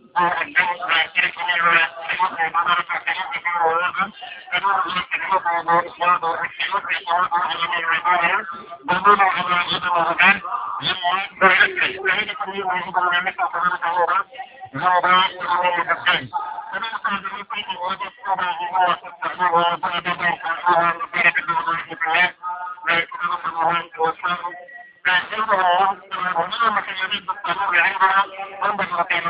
الضروري كل يسوي بركته ووفره وعباده وأبواب الصالح التحفظ والسلام والموافقة بالنسبة للرزان وعرضت وعرضت كتب الغرب العلم انت كتب وتحصل عباد الغرب فقط تنقل الأقوال الأمام أدرجت المسلمين بل أنت كتب الغرب الأكثرين بل المسلمين وضعي بيت العجبان وغير مكاتب الدولة إلى التكليف وتنقل نور الناس فثم مقدم ارتباط الكفاية في هذا الباب فدور هو مقدم الأول الكبير الجنائي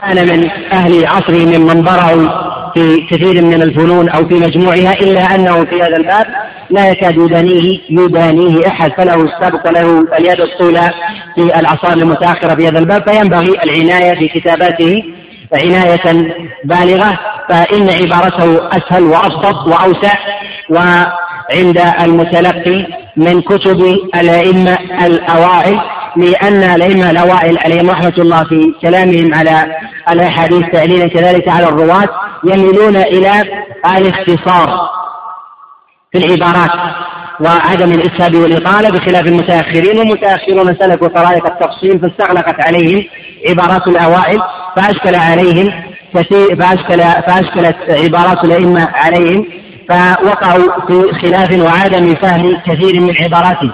فوقع الاضطراب في فهم كلام الأئمة حتى حملت كلام حتى حمل كلام الأئمة عند المتأخرين على أنواع متعددة. هي من جهة الأصل عند الناظر والمتبصر هي على معنى هي على معنى واحد لمن دقق وتأمل ذلك ونظر في طريقة الإمام في ألفاظه في أبواب الجرح والتعديل أو التصحيح والتعريف. ومن المهمات في هذا أن يتدرج طالب طالب العلم في معرفة ما يسمى بقواعد الحديث ومصطلحه وعلومه. فتقدم الكلام على أنه ينبغي لطالب العلم أن يعتني بالكتب المختصرة في ذلك فإنه في هذه المرحلة يتوسع وينتقل إلى الكتب التي توسعت شيئا قليلا في هذا الباب وهي من جهة الأصل متشابهة من جهة من جهة التقعيد وذلك أن المصنفات في علوم الحديث تقاعد قواعد هي مردها وأصلها إلى كتب المتكلمين من الأصوليين الأوائل الذين تأثروا بعلم الكلام فقعدوا قواعد الجرح والتعديل ولهذا لا يخلو كتاب من كتب أصول الفقه من تقعيد قواعد الحديث كقواعد الجرح وكذلك قواعد التعديل وكذلك رواية الراوي وكذلك زيادة الثقة ونحو ذلك مع أن هؤلاء لا شأن لهم في هذا الباب ومردوا ذلك إلى الأئمة الحذاق في هذا الباب. وضعف المتكلمين في هذا الباب مرده إلى عدم إحاطتهم بالسنة وحفظهم لها وعدم معرفة الرواة. ولهذا وقعوا في بعض الإطلاقات التي تأثر فيها كثير من المتأخرين. فسلكوا طريقة الفقهاء فمالوا وحادوا عن طرائق الأئمة عليهم رحمة الله من المتقدمين. فوقعوا في شيء من الوهم والغلط وربما ولدوا أقوالا لم يكن العلماء عليها. وظنوا أن كثيرا من المسائل هي من مسائل الخلاف وهي من مسائل الإجماع أو الاتفاق أو عامة العلماء أو عامة العلماء على على قول واحد.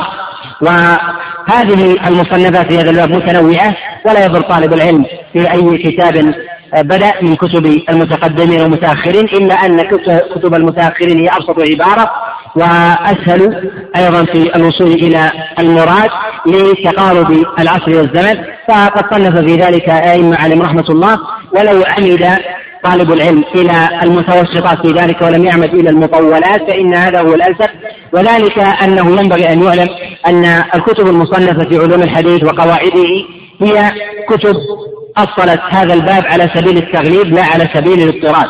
وذلك أن قواعد علوم الحديث هي قواعد أغلبية لا قواعد كلية. ومثال ذلك فإننا إذا حكمنا على راوي أنه ضعيف لا يعني ذلك ضعف جميع مرويه. وإذا حكمنا على راوي أنه ثقة لا يعلم. لا يلزم من ذلك تصحيح جميع مرويه فإنه قد يروي الراوي الثقة حديثا ويكون الحديث ضعيفا بسببه وقد يروي الراوي الضعيف حديثا وقد يكون صحيحا. إما لاختلاف الأبواب وضبطه لباب دون باب كأن يكون من أهل الكتاب من أهل الكتاب في باب دون باب أو يكون مثلا من أهل الاختصاص في الرواية عن شيخ دون دون شيخ. وحينئذ إذا عرف طالب العلم مراتب هؤلاء الرواة وكذلك أن هذه القواعد ليست على الإطلاق يوفق ويسدد في غالب في غالب أمره والخطأ وارد من كل من كل البشر.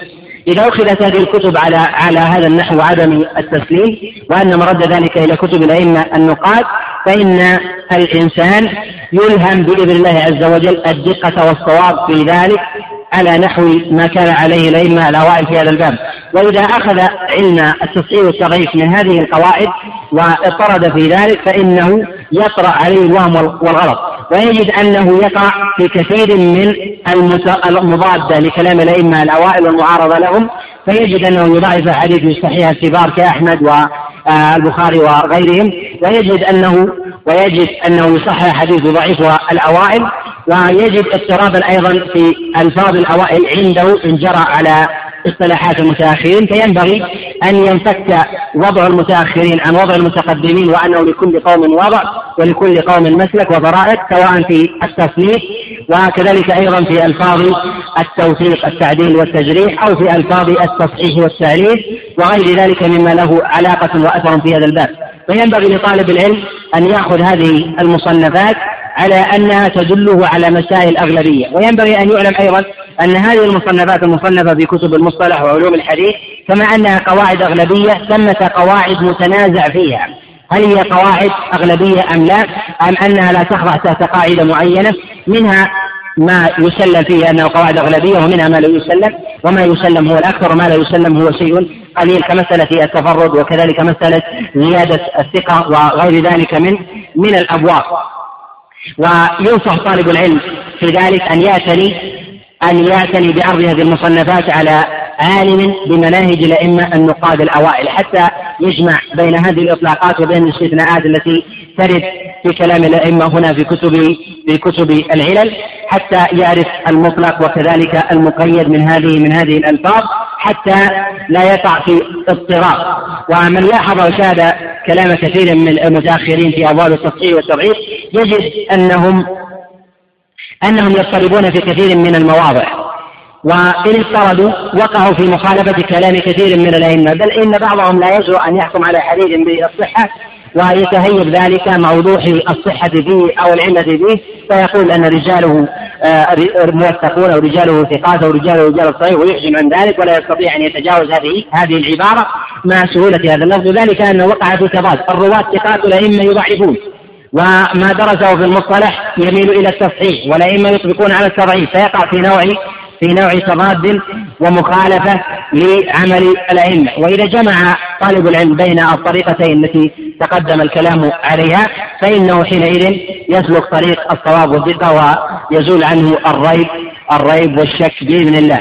القسم الثاني من آه، قسم معرفة أو تلقي علم الحديث ما يسمى بعلم الدراية. علم الدراية هو المراد به علم المعاني وعلم الفقه. وإذا قلنا أن علم الحديث هو هو شقيق الوحي من كلام الله عز وجل وقسيمه. وذلك أن الله سبحانه وتعالى قال عن نبيه وما ينطق عن الهوى هو إلا وحي يوحى.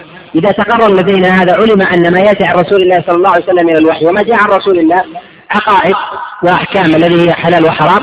وجاء من التفسير وجاء من الأخبار أشراط الساعة ودلائل النبوة وأخبار الأمم السابقة متنوعة. إذا علم الدراية هو شامل لذلك كله. كما هو في كلام الله سبحانه وتعالى. إذا علم هذا علم أنه ينبغي لطالب العلم أن يكون عارفا بأبواب الدراية ومعرفة أبواب الدراية أن يكون طالب العلم عارف بفقه وعلم ودراية القرون المفضلة الأولى من الصحابة والتابعين وأتباعهم. وإذا عرف فقه هؤلاء بحسب التفصيل السابق وعرف اختصاص كل راوي وتميز القرن الأول عن غيرهم ومواضع الإجماع عن مواضع الخلاف فإنه حينئذ يستطيع يستطيع أن يفتي من غير من غير تهيب لمواضع لمواضع الخلاف. وذلك أن الإنسان إذا عرف أقوال الصحابة في ذلك عرف مواضع الإجماع ولم يحجم على المخالفة وعرف مواضع الخلاف وعرف مواضع الترجيح فالأئمة الأربعة من الخلفاء الراشدين يختلفون عن بعض أصحاب رسول الله صلى الله عليه وسلم فلديه قرائن ترجح وإن رجح لبعض القرائن التي ظهرت له من غير استيعاب كان على خير وسعة فإن خلاف أصحاب رسول الله صلى الله عليه وسلم هو من الرحمة والسعة كذلك أيضا يفيد ذلك في أبواب التعليل وتمترحم بين أبواب الدراية وأبواب الرواية. وهذا له أثر في وجوه متعددة كما تقدم الكلام عليه. والأصل في هذا أن الوحي الذي أنزله الله جل وعلا. إنما نزل نزل على النبي عليه الصلاة والسلام في الحجاز في مكة والمدينة وشيء يسير لد عن ذلك سواء في تبوك أو بين مكة والمدينة. وجملة ذلك يكون في الحجاز ولم ينزل على النبي عليه الصلاة والسلام شيء من الوحي يخالف ذلك. فإذا جاء شيء من الوحي في غير الحجاز فإن هذا فإن هذا من قرائن التعليل. فإذا وجدنا إسنادا مسلسلا بالبصريين عن النبي عليه الصلاة والسلام أو بالكوفيين أو أو بالمصريين وغير ذلك فإن هذا من قرائن من قرائن الضعف خاصة إذا كان هذا يتعلق بإعلام المسائل ومشهورها فإنه يقطع بأن هذا الحديث من المصاريف الضعيفة وإن كان الراوي وإن كان الراوي من العدول. هذا له ما يتعلق في أثر أثره في أبواب الرواية وصلته في ذلك والكلام على هذا يطول جدا وينبغي لطالب العلم أن يقسم هذه البلدان على ما تقدم الإشارة إليه وأن يقسم هذه البلدان على اختصاص أهلها والاختصاص له تنوع اختصاص أهلها بحسب العلم واختصاص أهلها بحسب الشيوخ. وما يتعلق في صلب هذا الباب وهو ما يسمى بعلم الدراية وتقدم الإشارة إليه أن أن يصاحب آه، حفظ طالب العلم فهم للمحفوظ من سنة رسول الله صلى الله عليه وسلم. ويحسن الإشارة هنا إلى أمر مهم وهو أن كثيرا من طلاب العلم يستشكلون البداعة في كتب الفقه فيقولون هل نبدأ بالدراية والفقه على كتب الفقهاء المصنفة على ما تسمى بالمتون الفقهية أم أننا نبدأ الدراية والفقه على كتب الحديث ككتب الأحكام المصنفة في هذا الباب؟ وتقدم الإشارة إلى شيء شيء من ذلك. أي الطريقتين أسلم. أولا نقول أنه لا فرق بين أن يأخذ طالب العلم عن هذه وهذه الشريطة أن يصاحب النظر في المسألة تتبعا تتبعا للدليل. فإذا صاحب ذلك التتبع الدليل فإنه يوافق حينئذ معرفة الخلاف ومعرفة الراجع المرجوح وكذلك الصحيح من الضعيف. ولا يضره بدأ بكتاب فقهي أو بكتاب من السنة. إلا أن الأولى حفظ السنة لأنها هي المرض. وهي المرجع. ولو بدأ بالمتون الفقهية على هذا النحو فإن هذا لا يضره فإنه فإنه على سبيل سبيل صحيح. وأما من يعمد إلى كتب الفقه حفظا وتفقها من غير نظر إلى دليل هذا هذا لا يستحسن ولا يفضل من وجوه متعددة. الوجه الأول أن طالب العلم إذا إذا ابتدأ يكون قبل ذلك خاليا من العلم فهو يريد معلوما. فإذا وصل إليه شيء من الأقوال الفقهية ترسخ لديه قبل معرفة الدليل وزوال ذلك من الشق. فإن الإنسان المتمذهب إذا تمذهب واستوعب تمذهبا فإنه بعد تمذهبه إذا ورد لديه الدليل نجد أنه يلتمس يلتمس مواضع العرض في هذه الأحاديث ليعبد ليعبد مذهبه الأول. بل ربما لوى أعناق النصوص حتى توافق ما كان عليه. وهذا مشاهد في ملايين البشر من المتمذهبين في في زماننا الذين تمذهبوا. ثم وردت إليهم الأدلة فصعب عليهم أن يزول عما كانوا عليه وما كان عليه ائمته وهذا من آه، مما جبل عليه الناس أو أو جبلت عليه الطبائع البشرية. فينبغي الإنسان أن يقدر ذلك وان أن يصاحب تفقهه الدليل. فإذا صاحبه الدليل سلم له بإذن الله عز وجل آه هذا الأمر و آه آه وشفي من هذا أو لم يصب بهذا الداء وفق إلى الخير. ومن المفاسد أو السلبيات في هذا الباب البداءة في كتب الفقه أن الإنسان لا يتشوف إلى الدليل فإنه إذا استوعب مسائل الفقه بعد استيعابها لا يتشوف إلى الدليل لأن الأدلة ربما تعارض ما كان عليه والنفس لا تتشوف إلى ما يعارضها. فتجد أنه يصرف نفسه عن التتبع الدليل من حيث لا يشعر ولا نقول أنه يتعمد ذلك ولكن النفوس مجبولة على حب ما يؤيدها وكراهة ما يعارضها.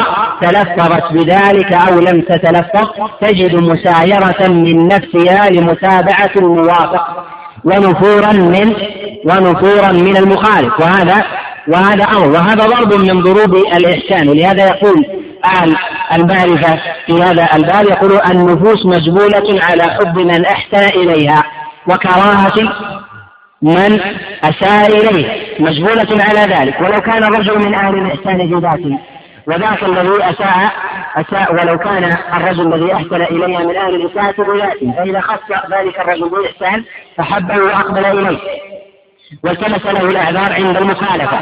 وأما من أساء إليه ولو كان من أهل الإيمان والإحسان فإنه يكرهه لأنه خصه بالإساءة نفوس جبلت على ذلك لهذا ينبغي الإنسان أن يسوس نفسه في العلم كما يسوسها في أبواب الأخلاق والتعامل مع الناس.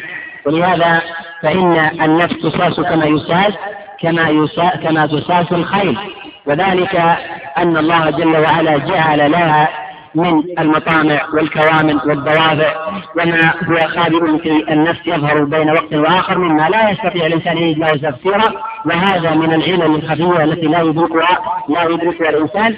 ولهذا جعل الله جل وعلا الروح من أمره ووصف الناس بهذا الخزي بعدم معرفتهم بهذه الخصوصة أنهم لا أوتوا من العلم الا إلا قليلا. فإذا أخذ الإنسان من كتب الفقهيه من الكتب الفقهية على أي مذهب كان وأقرب هذه الكتب عناية فيها. أن يعتني بكتب مذهب الإمام مالك سواء عمد إلى الكتب المتقدمة وهذا هو الأولى أو عمد إلى الكتب المتوسطة إلا أنه ينبغي أن يتحاشى البداءة بكتب آه، مذهب الإمام مالك من المتأخرين لأنهم حادوا حدثا كثيرا عن نهج عن نهج المتقدمين صنفوا على صنفوا على مذهب الإمام مالك وعمل أهل المدينة وتوسع في ذلك توسعا مبالغا فيه.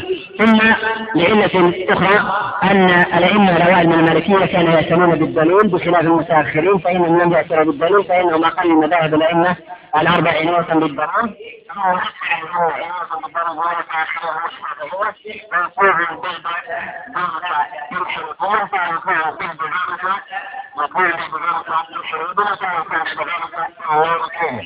اعتنى بطريقة المالكية الأوائل وإن لم يرد الأوائل وأراد أن ينظر في كتب المتوسطين فإنه عليه بكتب مذهب الإمام الشافعي لتوفر العناية بالأدلة وصحتها عند الشافعية أكثر أكثر من غيره. وإن عمد إلى أي شيء من كتب المذاهب فإنه لا حرج عليه ما دام أنه يقصد تتبع الدليل في كل مسألة فإن هذا فإن هذا هو المقصود العناية بالدليل والتبصر فيه على النحو على النحو السابق.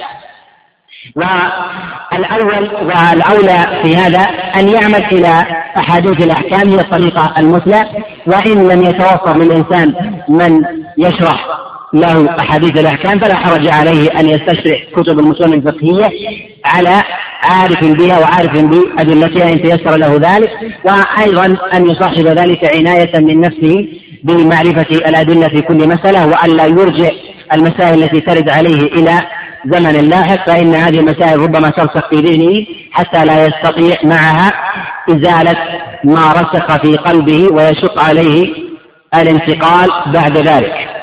والكلام في هذه المسائل وتتبعها مما يطول جدا ولعل في هذا القدر كفاية ونشرع في قراءة الأسئلة وبالله التوفيق.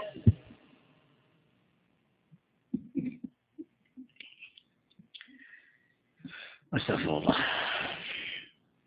نتكلم على ما له علاقة في بابنا وندع ما عدا ذلك.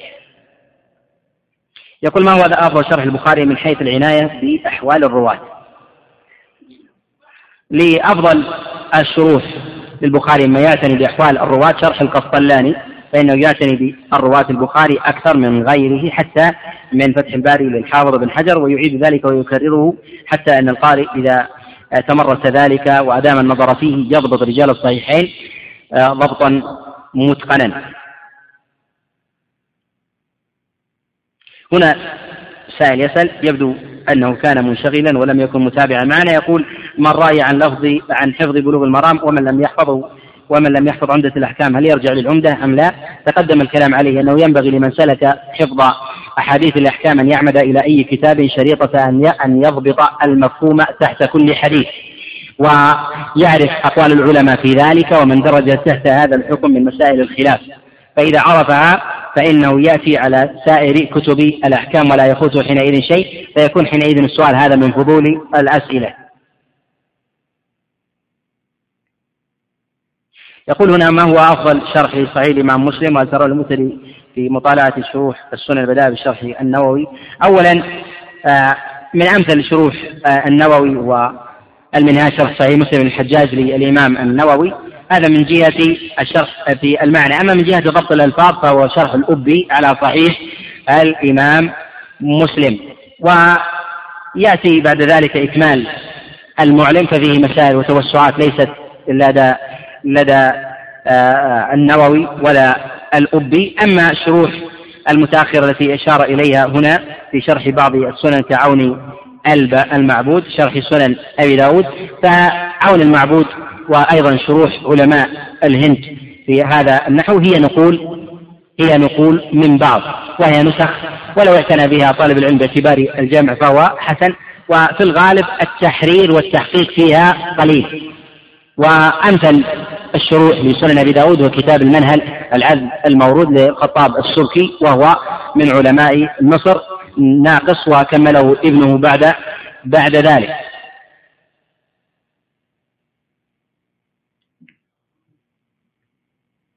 يقول هل يشترط الاحتجاج بأثار السلف من الصحابة والتابعين وأئمة الدين صحة الإسناد بمعنى هل يجري عليها ما يجري حديث الرسول؟ لا يخفف في ذلك ما لا يخفف على غيره كما نص على ذلك البخاري عليه رحمة الله في كلامه على هشيم قال أنه يضبط الموقوف أكثر من المرفوع فيخفف في الموقوف ما لا يخفف في في المرفوع فيشدد في المرفوعات ويخفف في الموقوفات باعتبار أنه ليس عليها مدار الدليل، كذلك فإن الرواة نفوسهم تتشوف إلى الرفع ولا تتشوف إلى الوقف، فإذا وقفت فإنها تكون جازمة في الأغلب، وإذا رفعت فإنها تكون مترددة.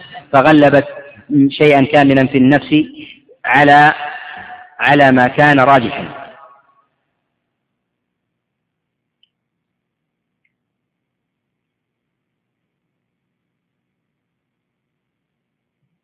يقول هنا هل يجب علينا اولا تعلم علوم القرآن أم علوم الحديث أم يجب الموازنة؟ عنوان المحاضرة هو منهج التلقي في علوم الحديث.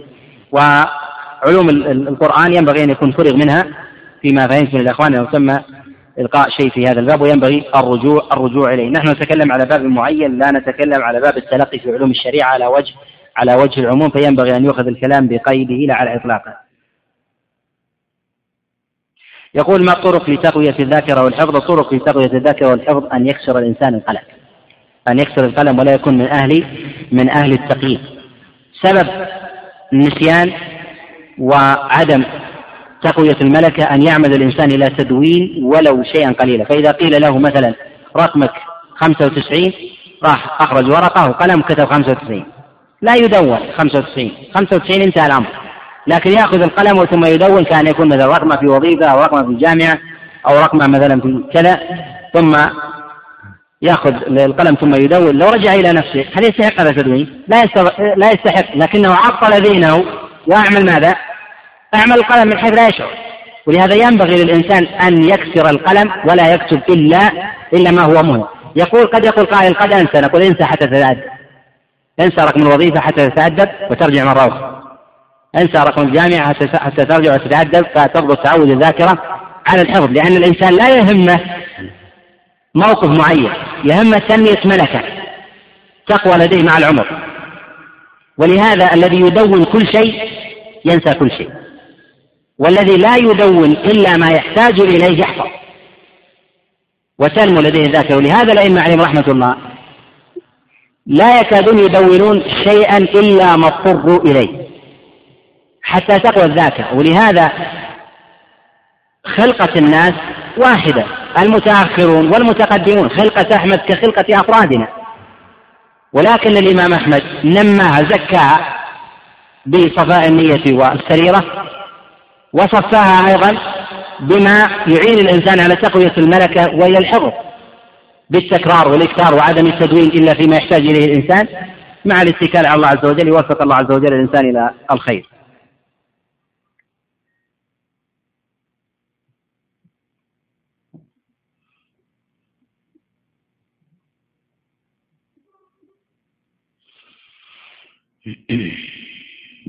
كثير من الكلام تقدم الكلام عليه على على البيان وإن أشكل على البعض يرجع إلى الشريط. وإذا أغفل شيء من الأسئلة فليعلم إما أن يكون خارج موضوع المحاضرة وإما أن يكون قد تقدم الكلام عليه سواء على سبيل الإجمال أو على التفصيل فيرجع إليه اغتناما واختصار الوقت.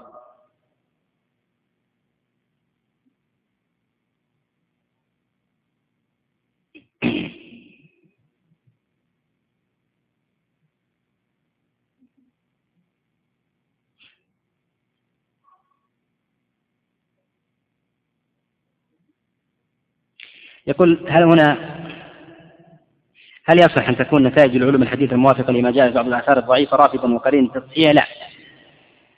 لا يكون. وهذا لم يكن مسلكا عند الأئمة وإن وجد دافع النفس في ذلك إلا أنه ليس موجود من جهة العمل عند الأئمة.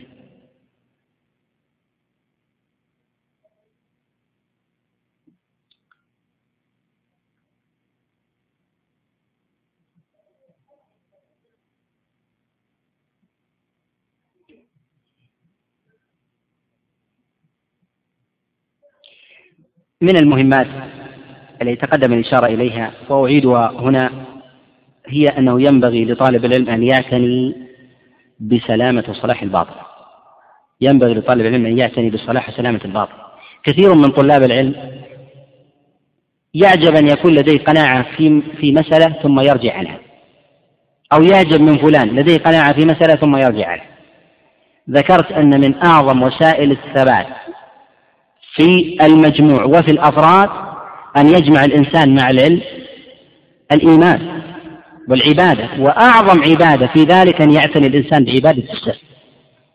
عبادة السر أن يكثر الإنسان من عباده من عبادة الخفاء لا يرى في ذلك أحد. لا يراه زوجة ولا أخ ولا أخت ولا ابن. ويفرح بالخلوات كما يفرح أصحاب الشهوات. يفرح بالخلوة لا يراني أحد أغلق الباب الله أكبر. يصلي ركعتين. ويستغفر ويهلل ويسبح ويتصدق ويفعل. هذا من يعاني ويوفق. ولهذا من كان له نصيب من العبادة في السر هو مأمون من من النفاق. لا يمكن شخص يخاف النفاق وهو مكثر من عبادة السر. ولهذا حذيفة بن اليمان الذي الذي يعلم أعيان المنافقين المندسين في أصحاب رسول الله صلى الله عليه وسلم كما روى مسلم في الصحيح. يقول سمعت النبي عليه الصلاة والسلام يقول في اصحابي اثنا عشر منافقا.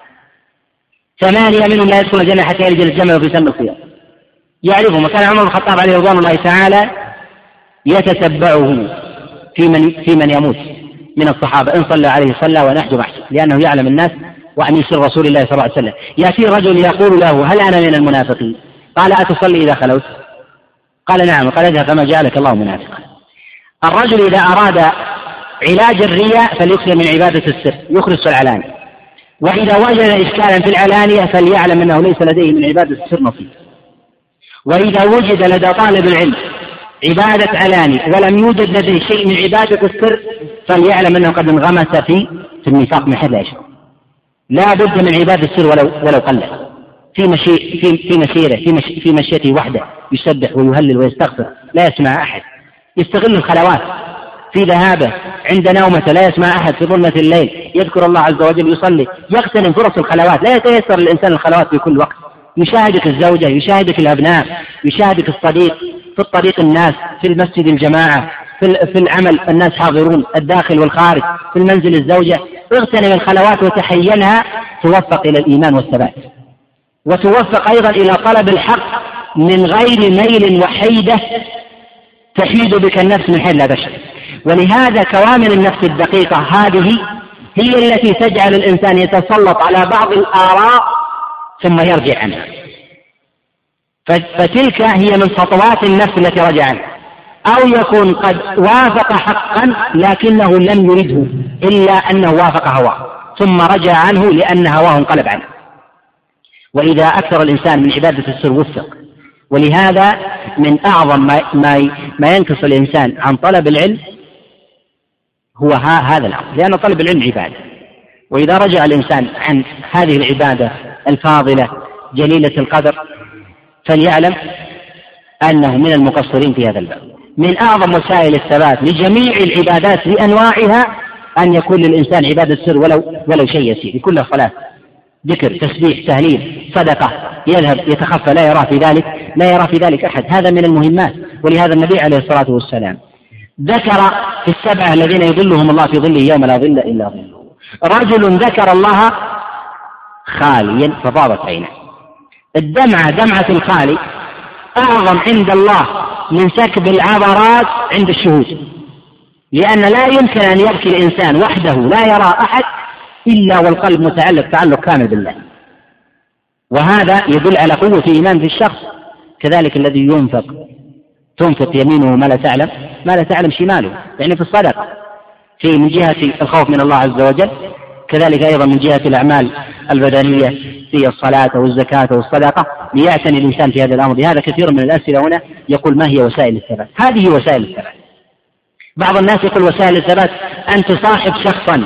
قبل هذا قد يكون هذا الشخص ليس بصاحب عبادة سر فأنت وتنتكس لأنك علقت قلبك بهذا الرجل علق قلبك بالله وتضرع إلى الله وتعبد لله في السر ولهذا كثير من الناس يتأثر بشخص قد علق قلبه به لأنه أقبل أو أدبر لماذا؟ لأن متشوف هذا الرجل وجعله قدوة أين الله؟ أين اليقين في القلب؟ أين عبادة السر؟ أين التماس رضا الله عز وجل في في في الخلوة والجلوة؟ إن كان الإنسان على هذه الحال هو من أهل الانتكاس، لماذا؟ لأن شغل قلبه وعمره بشيء من الظواهر. فينتكس ولا يدري ما السبب ويتساءل الناس لماذا انتكس فلان؟ هذا من أسباب الانتكاس هو الصد عن سبيل الله. لأنه علق أموره بشيء ظاهرة. لا نقلل من رفقة الصالحين ورفقة طلاب العلم لكن نقول ليست الأهم. الأهم أن يعمر القلب بالله في الخلوات ويكثر من العبادة ثم بعد ذلك يأتي ما يعين الإنسان. لماذا؟ لأن الإنسان إذا اعتمد على الله وكان الله له نصيرا والله لا يضرها الناس وإن أدبروا كلهم عما كانوا عليه. لأن الحق من كان على الحق ولو كنت ولو كنت وحدك. لأن الله عز وجل إذا صار أنيسك فلا تستوحش أبدا. ومن وسائل الثبات وأعظمها على العلم هي عبادة السر. قد يقول قائل ما علاقة عبادة السر بالفقه والحلال والحرام؟ نحن نتكلم على عبادة على إيمان وعمل وهذا العمل مرتبط بالتفقه فيه والتفقه فيه ثمرة ثمرة ذلك العمل فإذا ثبت الإنسان على هذا الأمر ثبت عليه في جميع فروعه في الاستزادة من العمل الإكثار من الطاعات الإحسان إلى الغير. الشفقة على المنتكس والدعاء له وعدم تعلق القلب به ذهب أو جاء وأنه ظله الله سبحانه وتعالى سواء كان على علم أو كان بجهالة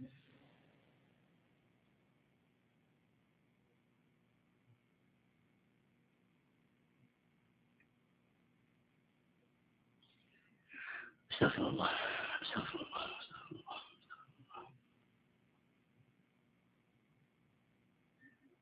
بعض العناوين تحتاج يعني مجلس مستقل كبرامج يقول برامج يومية وبرامج عامة. آه، هنا يقول ما التدرج في حفظ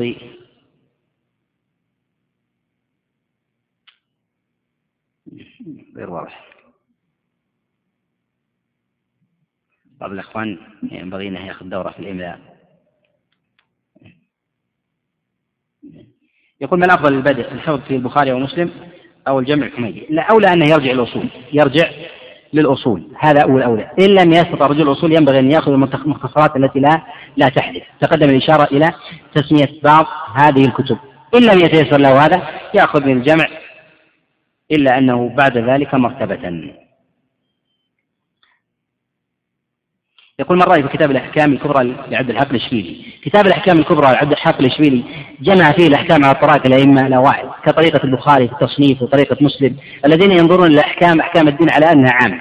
وتقدم الكلام أن الأئمة الأوائل ينظرون إلى أحكام الدين على أنها واحدة ينظرون العقيدة والفقه متداخلة. ولهذا البخاري عليه رحمة الله جمع في كتابه في كتابه مسائل الدين كلها العقائد والفروع والتفسير والسير بدء الخلق الفتن وغير ذلك من الأبواب جمعها في كتابه وسماها سنن. وكذلك أيضا الإمام مسلم عليه رحمة الله وأصحاب السنن الأربع على اختلاف في في الترتيب. كل له طريقة لكن يصنفون هذه المسائل على على أبواب الدين كلها. ثم بعد ذلك طرأ التقسيم قيل في القرن الثالث وما يسمى بالأصول والفروع أو علم العقائد وعلم الأحكام. الفقه والتفسير والحديث ظهرت هذه التقاسيم في القرن الثالث.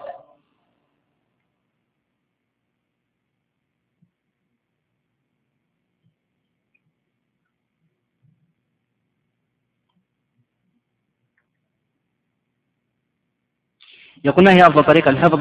تقدم الكلام على مسألة أنه ينبغي لطالب العلم أن يعتني بالحفظ اليومي أو يكون له ورد إما يوم ورا يوم أو يكون حفظ نهاية الأسبوع لكن لا يخرم هذه القاعدة. إن خرم هذه القاعدة ترك نهجه كله. أو جرأ النفس ينبغي أن يكون الإنسان حازما حازما عليه. فينبغي الإنسان أن يبدأ من الأسفل إذا وجد الإنسان فيه إقبالا على حفظ السنة في حال الإقبال يجد النفس تتشوف إلى حفظ خمسين ستين سبعين حديث في اليوم. يجد أنها تتشوف وتجلس وتحفظ ولكن تنتكس وترجع ولا تحفظ شيء. وليعلم أن من دقائق تلبيس إبليس على المتعبد وعلى طالب العلم أن الشيطان إذا وجد من المتعبد أو طالب العلم إقبالا واندفاعا لا يستطيع أن يقابل هذا الاندفاع. هو مندفع لا بد أنه يحفظ شيء. فإما أن يجعله إبليس يحفظ ثلاثة ويستمر عليها أو خمسين وينقطع. ولهذا المتحمسين في الابتداء في البداية يجد إقبالا كأن الشيطان رفع يديه سواء في العبادة فيجد أنه في أول ليلة يقوم من صلاة العشاء إلى الفجر وانشراح تام. لماذا؟ لأنه مقبل إقبال تام.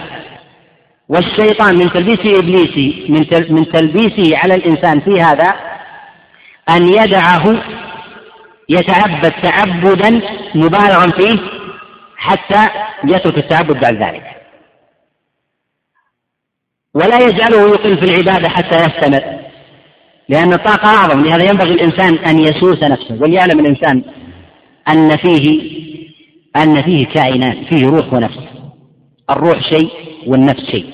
الإنسان فيه روح ونفس والبهائم فيها نفس وليس فيها روح.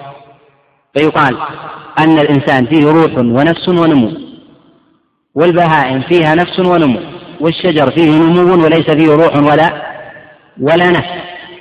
النفس بحاجة إلى سياسة من الذي يسوسها؟ يسوسها الروح والعقل يسايسها الإنسان. كحال الشخص الذي يركب الخيل يسوسها ويمرنها شيئا فشيئا ولا يكرهها عما يرغب ولهذا الإنسان إذا أكره النفس ملت وغلبته كالذي يكره الخيل تمل وتغلبه الخيل وتتمرد تمرد عليه وإنما يساوسها يعطيها يعطيها شيئا فشيئا. ولهذا الإنسان ينبغي له أن يسايس النفس شيئا فشيئا يعطيها شيئا مما مما تحتاجه مما لا يرغبه ولهذا الإنسان كثيرا ما يفعل الخطأ وهو يعلم أنه خطأ. من الذي يعلم الذي هو خطأ؟ روحه وعقله يعرف أنه خطأ. لكن من الذي أقبل؟ النفس. أمارة بالسوء ويدع الحق ويعلم أنه حق لماذا ترك الحق وهو يعلم؟ من الذي يعلم؟ يعلم العقل والروح. ومن الذي ترك؟ ترك النفس. وهذا لو علمه الإنسان فيه علم أن فيه كائنان يسوس أحدهما الآخر. ولهذا الله عز وجل في مواضع يخاطب النفس ومواضع يخاطب الروح. وتارة يخاطب الإنسان على سبيل الإجمال. أن الله عز وجل يلطف فيك من هذا الكائن الذي هو الذي هو فيه لهذا ينبغي للإنسان أن يسوس نفسه قدر قدر إمكانه حتى يصل يصل إلى غايته المنشودة. سواء في أبواب العبادة يبدأ بالأقل فيزيد. لا يبدأ بالأكثر فيقل لأنه لو بدأ بالأكثر انقطع لا يوجد قلة إلا من وفقه الله عز وجل. فالحافظ الذي يريد أن يحفظ السنة أن يعمد إلى الحد الأدنى يقول أنا أستطيع قدرتي وهمتي الآن أنا مندفع أن أحفظ عشرين ثلاثين. نقول احفظ خمس. أريد أن أحفظ عشرين نقول احفظ خمس. اجعل العشرين بعدين. الأسبوع الأول خلها خمس والثاني خلها ست. إذا وصلت العشرين ورأيت نفسك تستطيع التدرج يثبت على العشرين لكن لا تبدأ من العشرين ابتداء فتنسى. الأئمة عليهم رحمة الله الأوائل كانوا يحفظون قليلا ويديمون حتى قيل عن الشافعي أنه يحفظ في اليوم ثلاثة أحاديث. ثلاثة أحاديث في السنة ألف. وفي عشر وعشر سنوات عشر آلاف وإذا قلنا أن ما عليه مدار مدار السنة من غير تكرار خمسة آلاف فيعتبر الخمسة آلاف هذه من الزيادات سواء من زيادات آه، الطرق أو من الأبواب اللي ليست متعلقة بالأحكام. وهذا من تمام العلم وكماله. لهذا ينبغي لطالب العلم أن يتدرج في ذلك شريطة ألا يدع ما كان عليه. يقول ما المنهج الصحيح في تصحيح أحاديث التفسير ومقدار التساهل فيها؟ ثمة محاضرة ألقيناها في هذا الباب عنوانها أسانيد التفسير. تكلمنا عليها وطرائق الأئمة بالتعامل مع مرويات التفسير.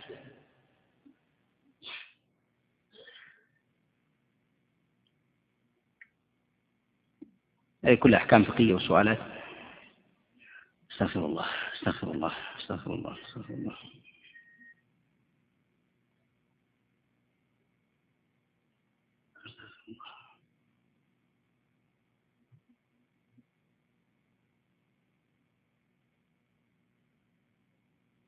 هنا يسأل عن حفظ كتب المصطلح لا بد لطالب العلم في كل فن من فنون الآلة من محفوظ.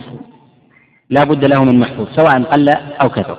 وأرى أن علوم الآلة ينبغي لطالب العلم أن يعتني بحفظ كتاب واحد منها ولا يتعدى يكون كتاب من كتب المتوسطة. ثم يتوسع في ذلك فهما لأنها ليست مقصودة في ذاتها ضبطا وذلك أنها قواعد والقواعد ليست ليست أغلبية. سواء ما يتعلق في مصطلح الحديث وما يتعلق في ما يسمى بالقواعد الفقهية يحفظ من المنظومات الفقهية ما هي متوسطة يعني تستوعب المسائل وكذلك أيضا من الكتب في قواعد التفسير وغير ذلك ثم يتوسع في ضبط التطبيق.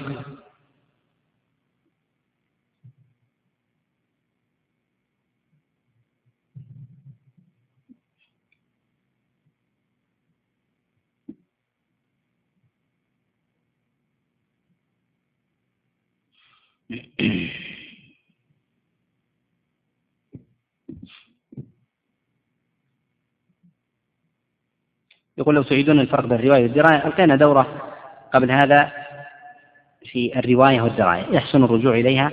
أظنها في أربع دروس أو خمسة.